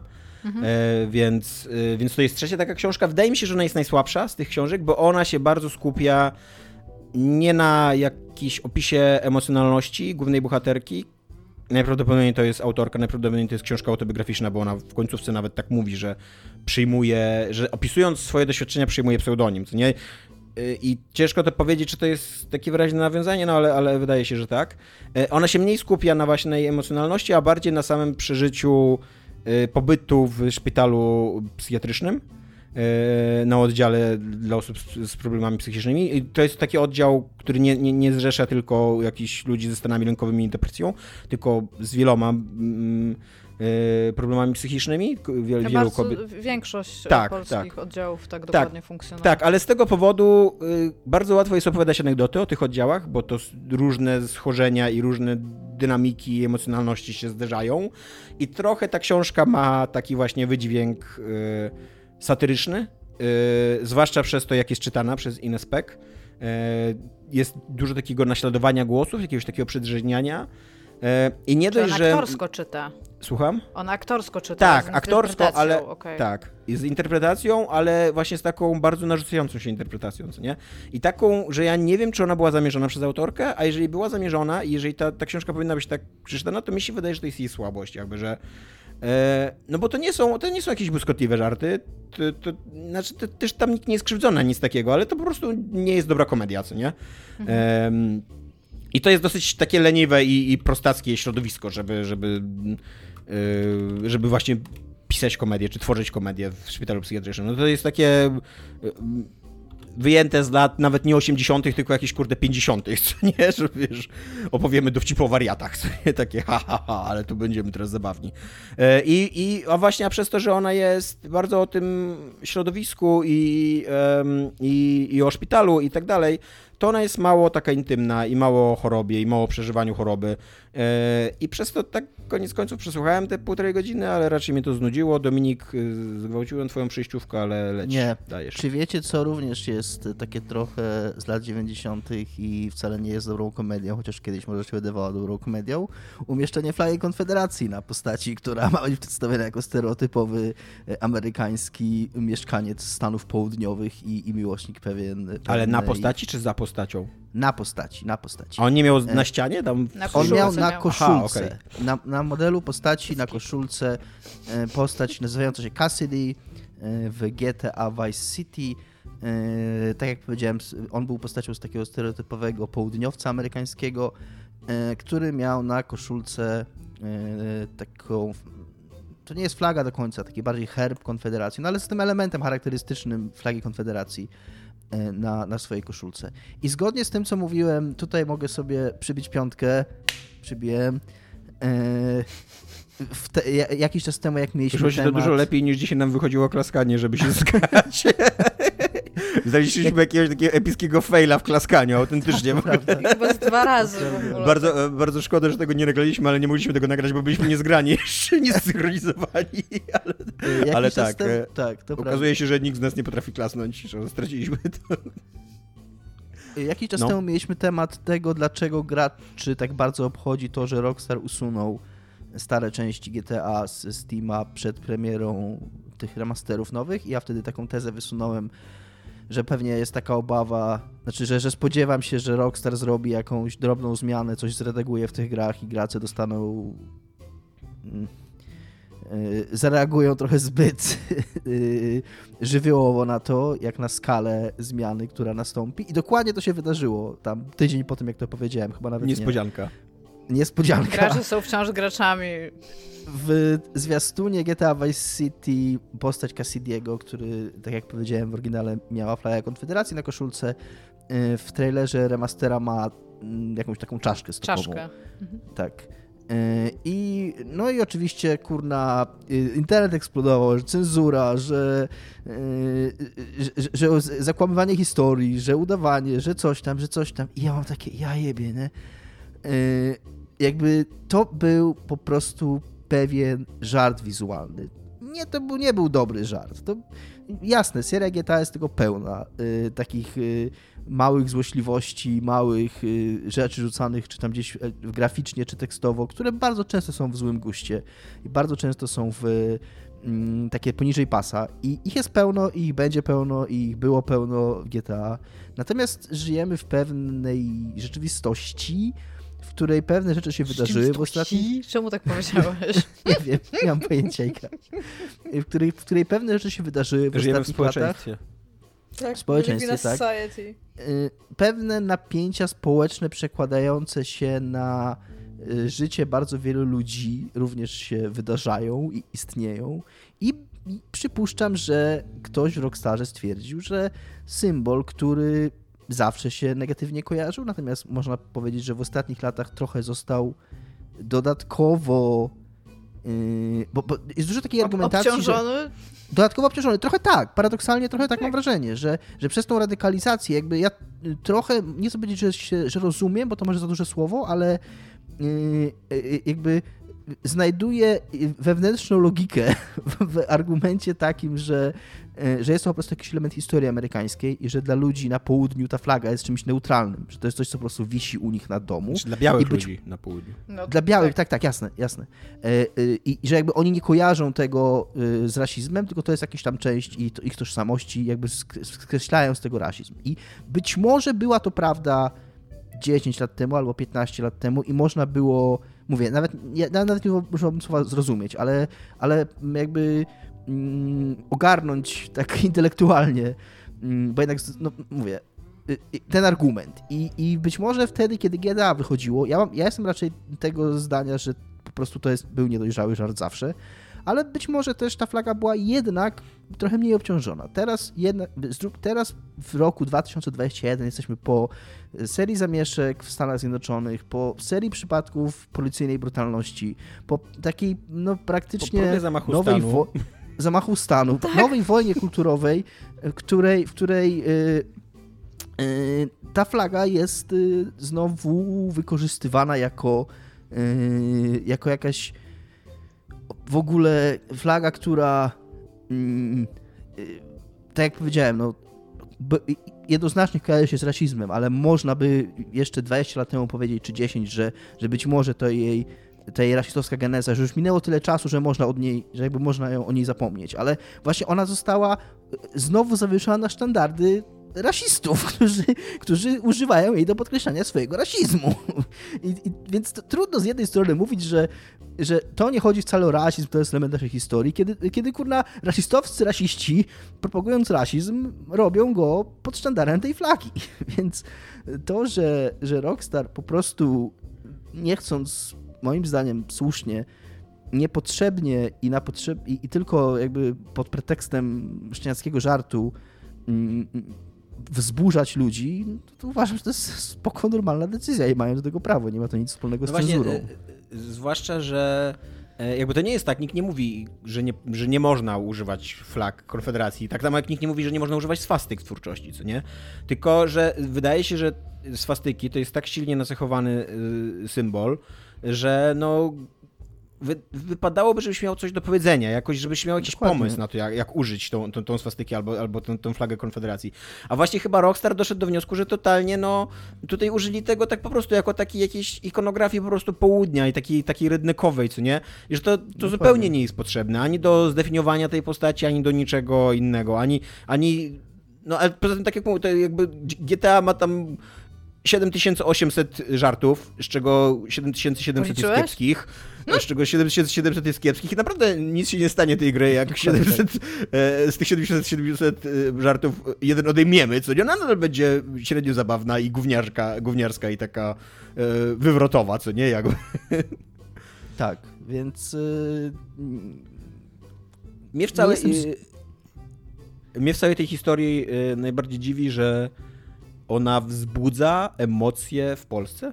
Jakby, że, że komuś brakuje tej flagi w Polsce, no bo tam jakby zgadzam się, że są pewne dyskusje, które są ogólnoświatowe, ale chyba akurat możemy pozwolić Amerykanom gadać na temat ich własnych flag i, ich własnych, własnych historii. Jakby nie musimy się w Polsce przyjmować konfederacją y, amerykańską. To mamy swoją własną konfederację, którą się musimy przejmować.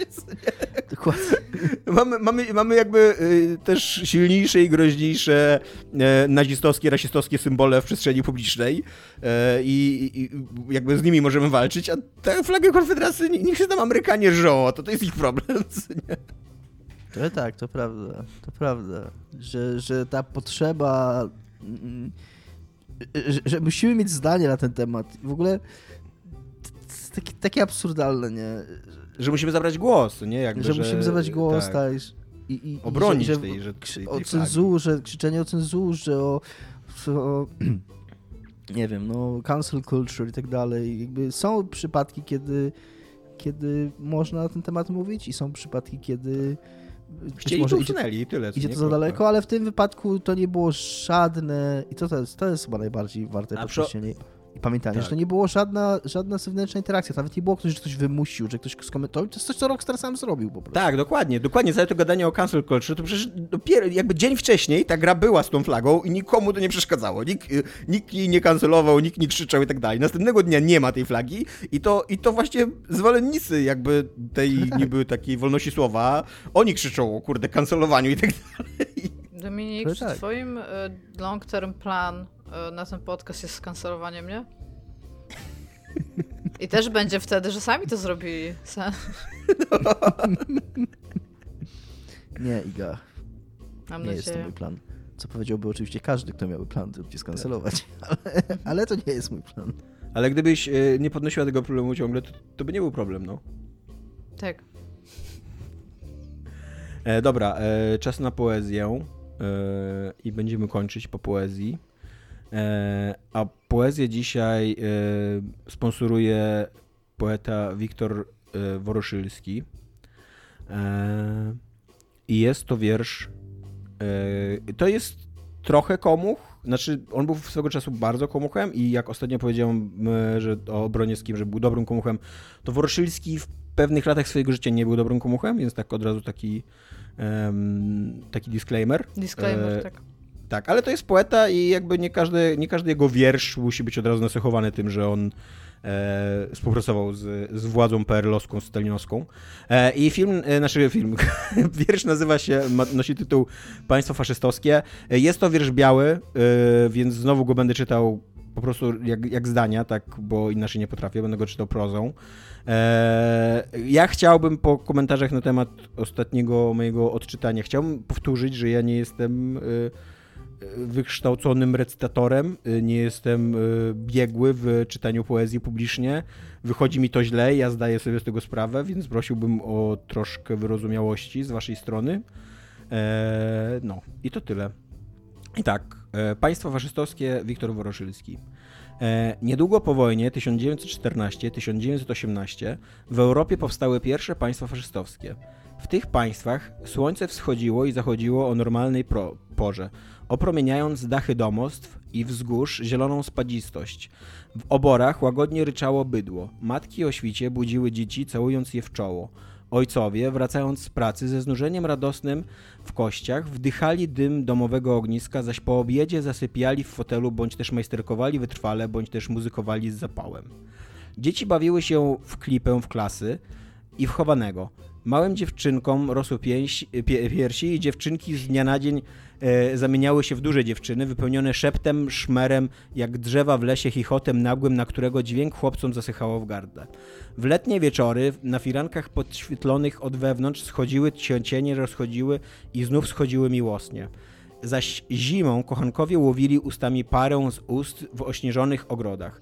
I jeszcze można wspomnieć o kotach, wyginających się w kałąb, o wróblach wzlatujących nad jezdnią, o staruszkach na przyzbie, o kwiatach ciętych i doniczkowych, o pielęgniarkach podających chorym termometr, o ludziach z miotłą zamiatających ulice, o drewnie roz, rozsychającym się bruździe, w polu wilgotnej wietrze, w zaroślach i jeszcze można wiele wymienić się- zjawisk świadczących, że albowiem nie było znaków na niebie, komet żałobnych, wody w krew zamienionych krzaków, płonących, albowiem życie biegło zwyczajnie, więc naprawdę w państwach tych wielu było ludzi zwyczajnych i ludzi dobrych, i takich, którzy nie wiedzieli o niczym, i którym nie przychodziło na myśl, i którzy nie czuli się współwinowajcami, i którzy nie mieli z tym nic wspólnego, i którzy nawet nie czytali gazet lub też czytali niedbale, zajęci myślami o tym, że trzeba naprawić przeciekający dach, oddać buty do szewca, oświadczyć się, wypić kufel piwa,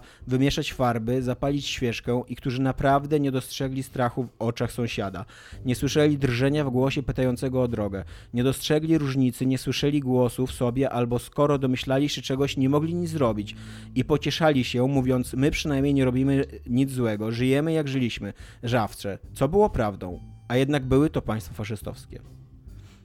I tak, to jest wierszyk ode mnie y, na Mm. dzisiaj. E, Wiktor Woroszyński. Państwo faszystowskie, raz jeszcze. Ja tylko chcę Eee, coś sprawdzić. Eee, Tak. Tak, y, w tej wersji, którą ty wkleiłeś, ty jest, jest coś bardzo zabawnego, bo tam jest chyba Jest- skopiowany numer strony. Tak, trochę tak. brzmi w tym miejscu, gdzie jest o wypiciu kuflu piwa, jakby tam było wypić 89 kufel piwa. jakby ktoś wypił 89 kufli piwa. Po, po, pominąłem te, ten wers, no być może. E, skoro już tutaj e, Tak, ale Bogdan, Państwo wygooglałem- faszystowskie. Wygooglałem i Bogdan cenzurował, wersję, tak. Znalazłem tą wersję, którą ty, znalazłem inną i w tej innej nie ma tego 89, więc ewidentnie jest to po prostu jakiś artefakt, coś ktoś kopiował z jakiejś Bogdan strony. cenzurował e, Słowackiego, więc ja stwierdziłem, że Woroszyckiego. więc to Nie, nie, wydaje mi się, że dobrze Jakby zrobiłeś, po kancelujemy, prostu kancelujemy poezję. jest, że jest to po prostu błąd, y, to 89. Nie, nie, tak, to, totalnie to było. E, tak, komentarza dzisiaj nie mamy e, i więc tyle mamy na dzisiaj dla was przygotowane. Dzięki. Dziękujemy wam też za ciągłe wsparcie, jesteście super. Tak, Jeżeli nie dziękujemy. możecie lub nie chcecie nas wspierać, to dziękujemy, że nas słuchacie. Jesteście Spadło super. ostatnio trochę. Kończymy, pa. Hej. Cześć.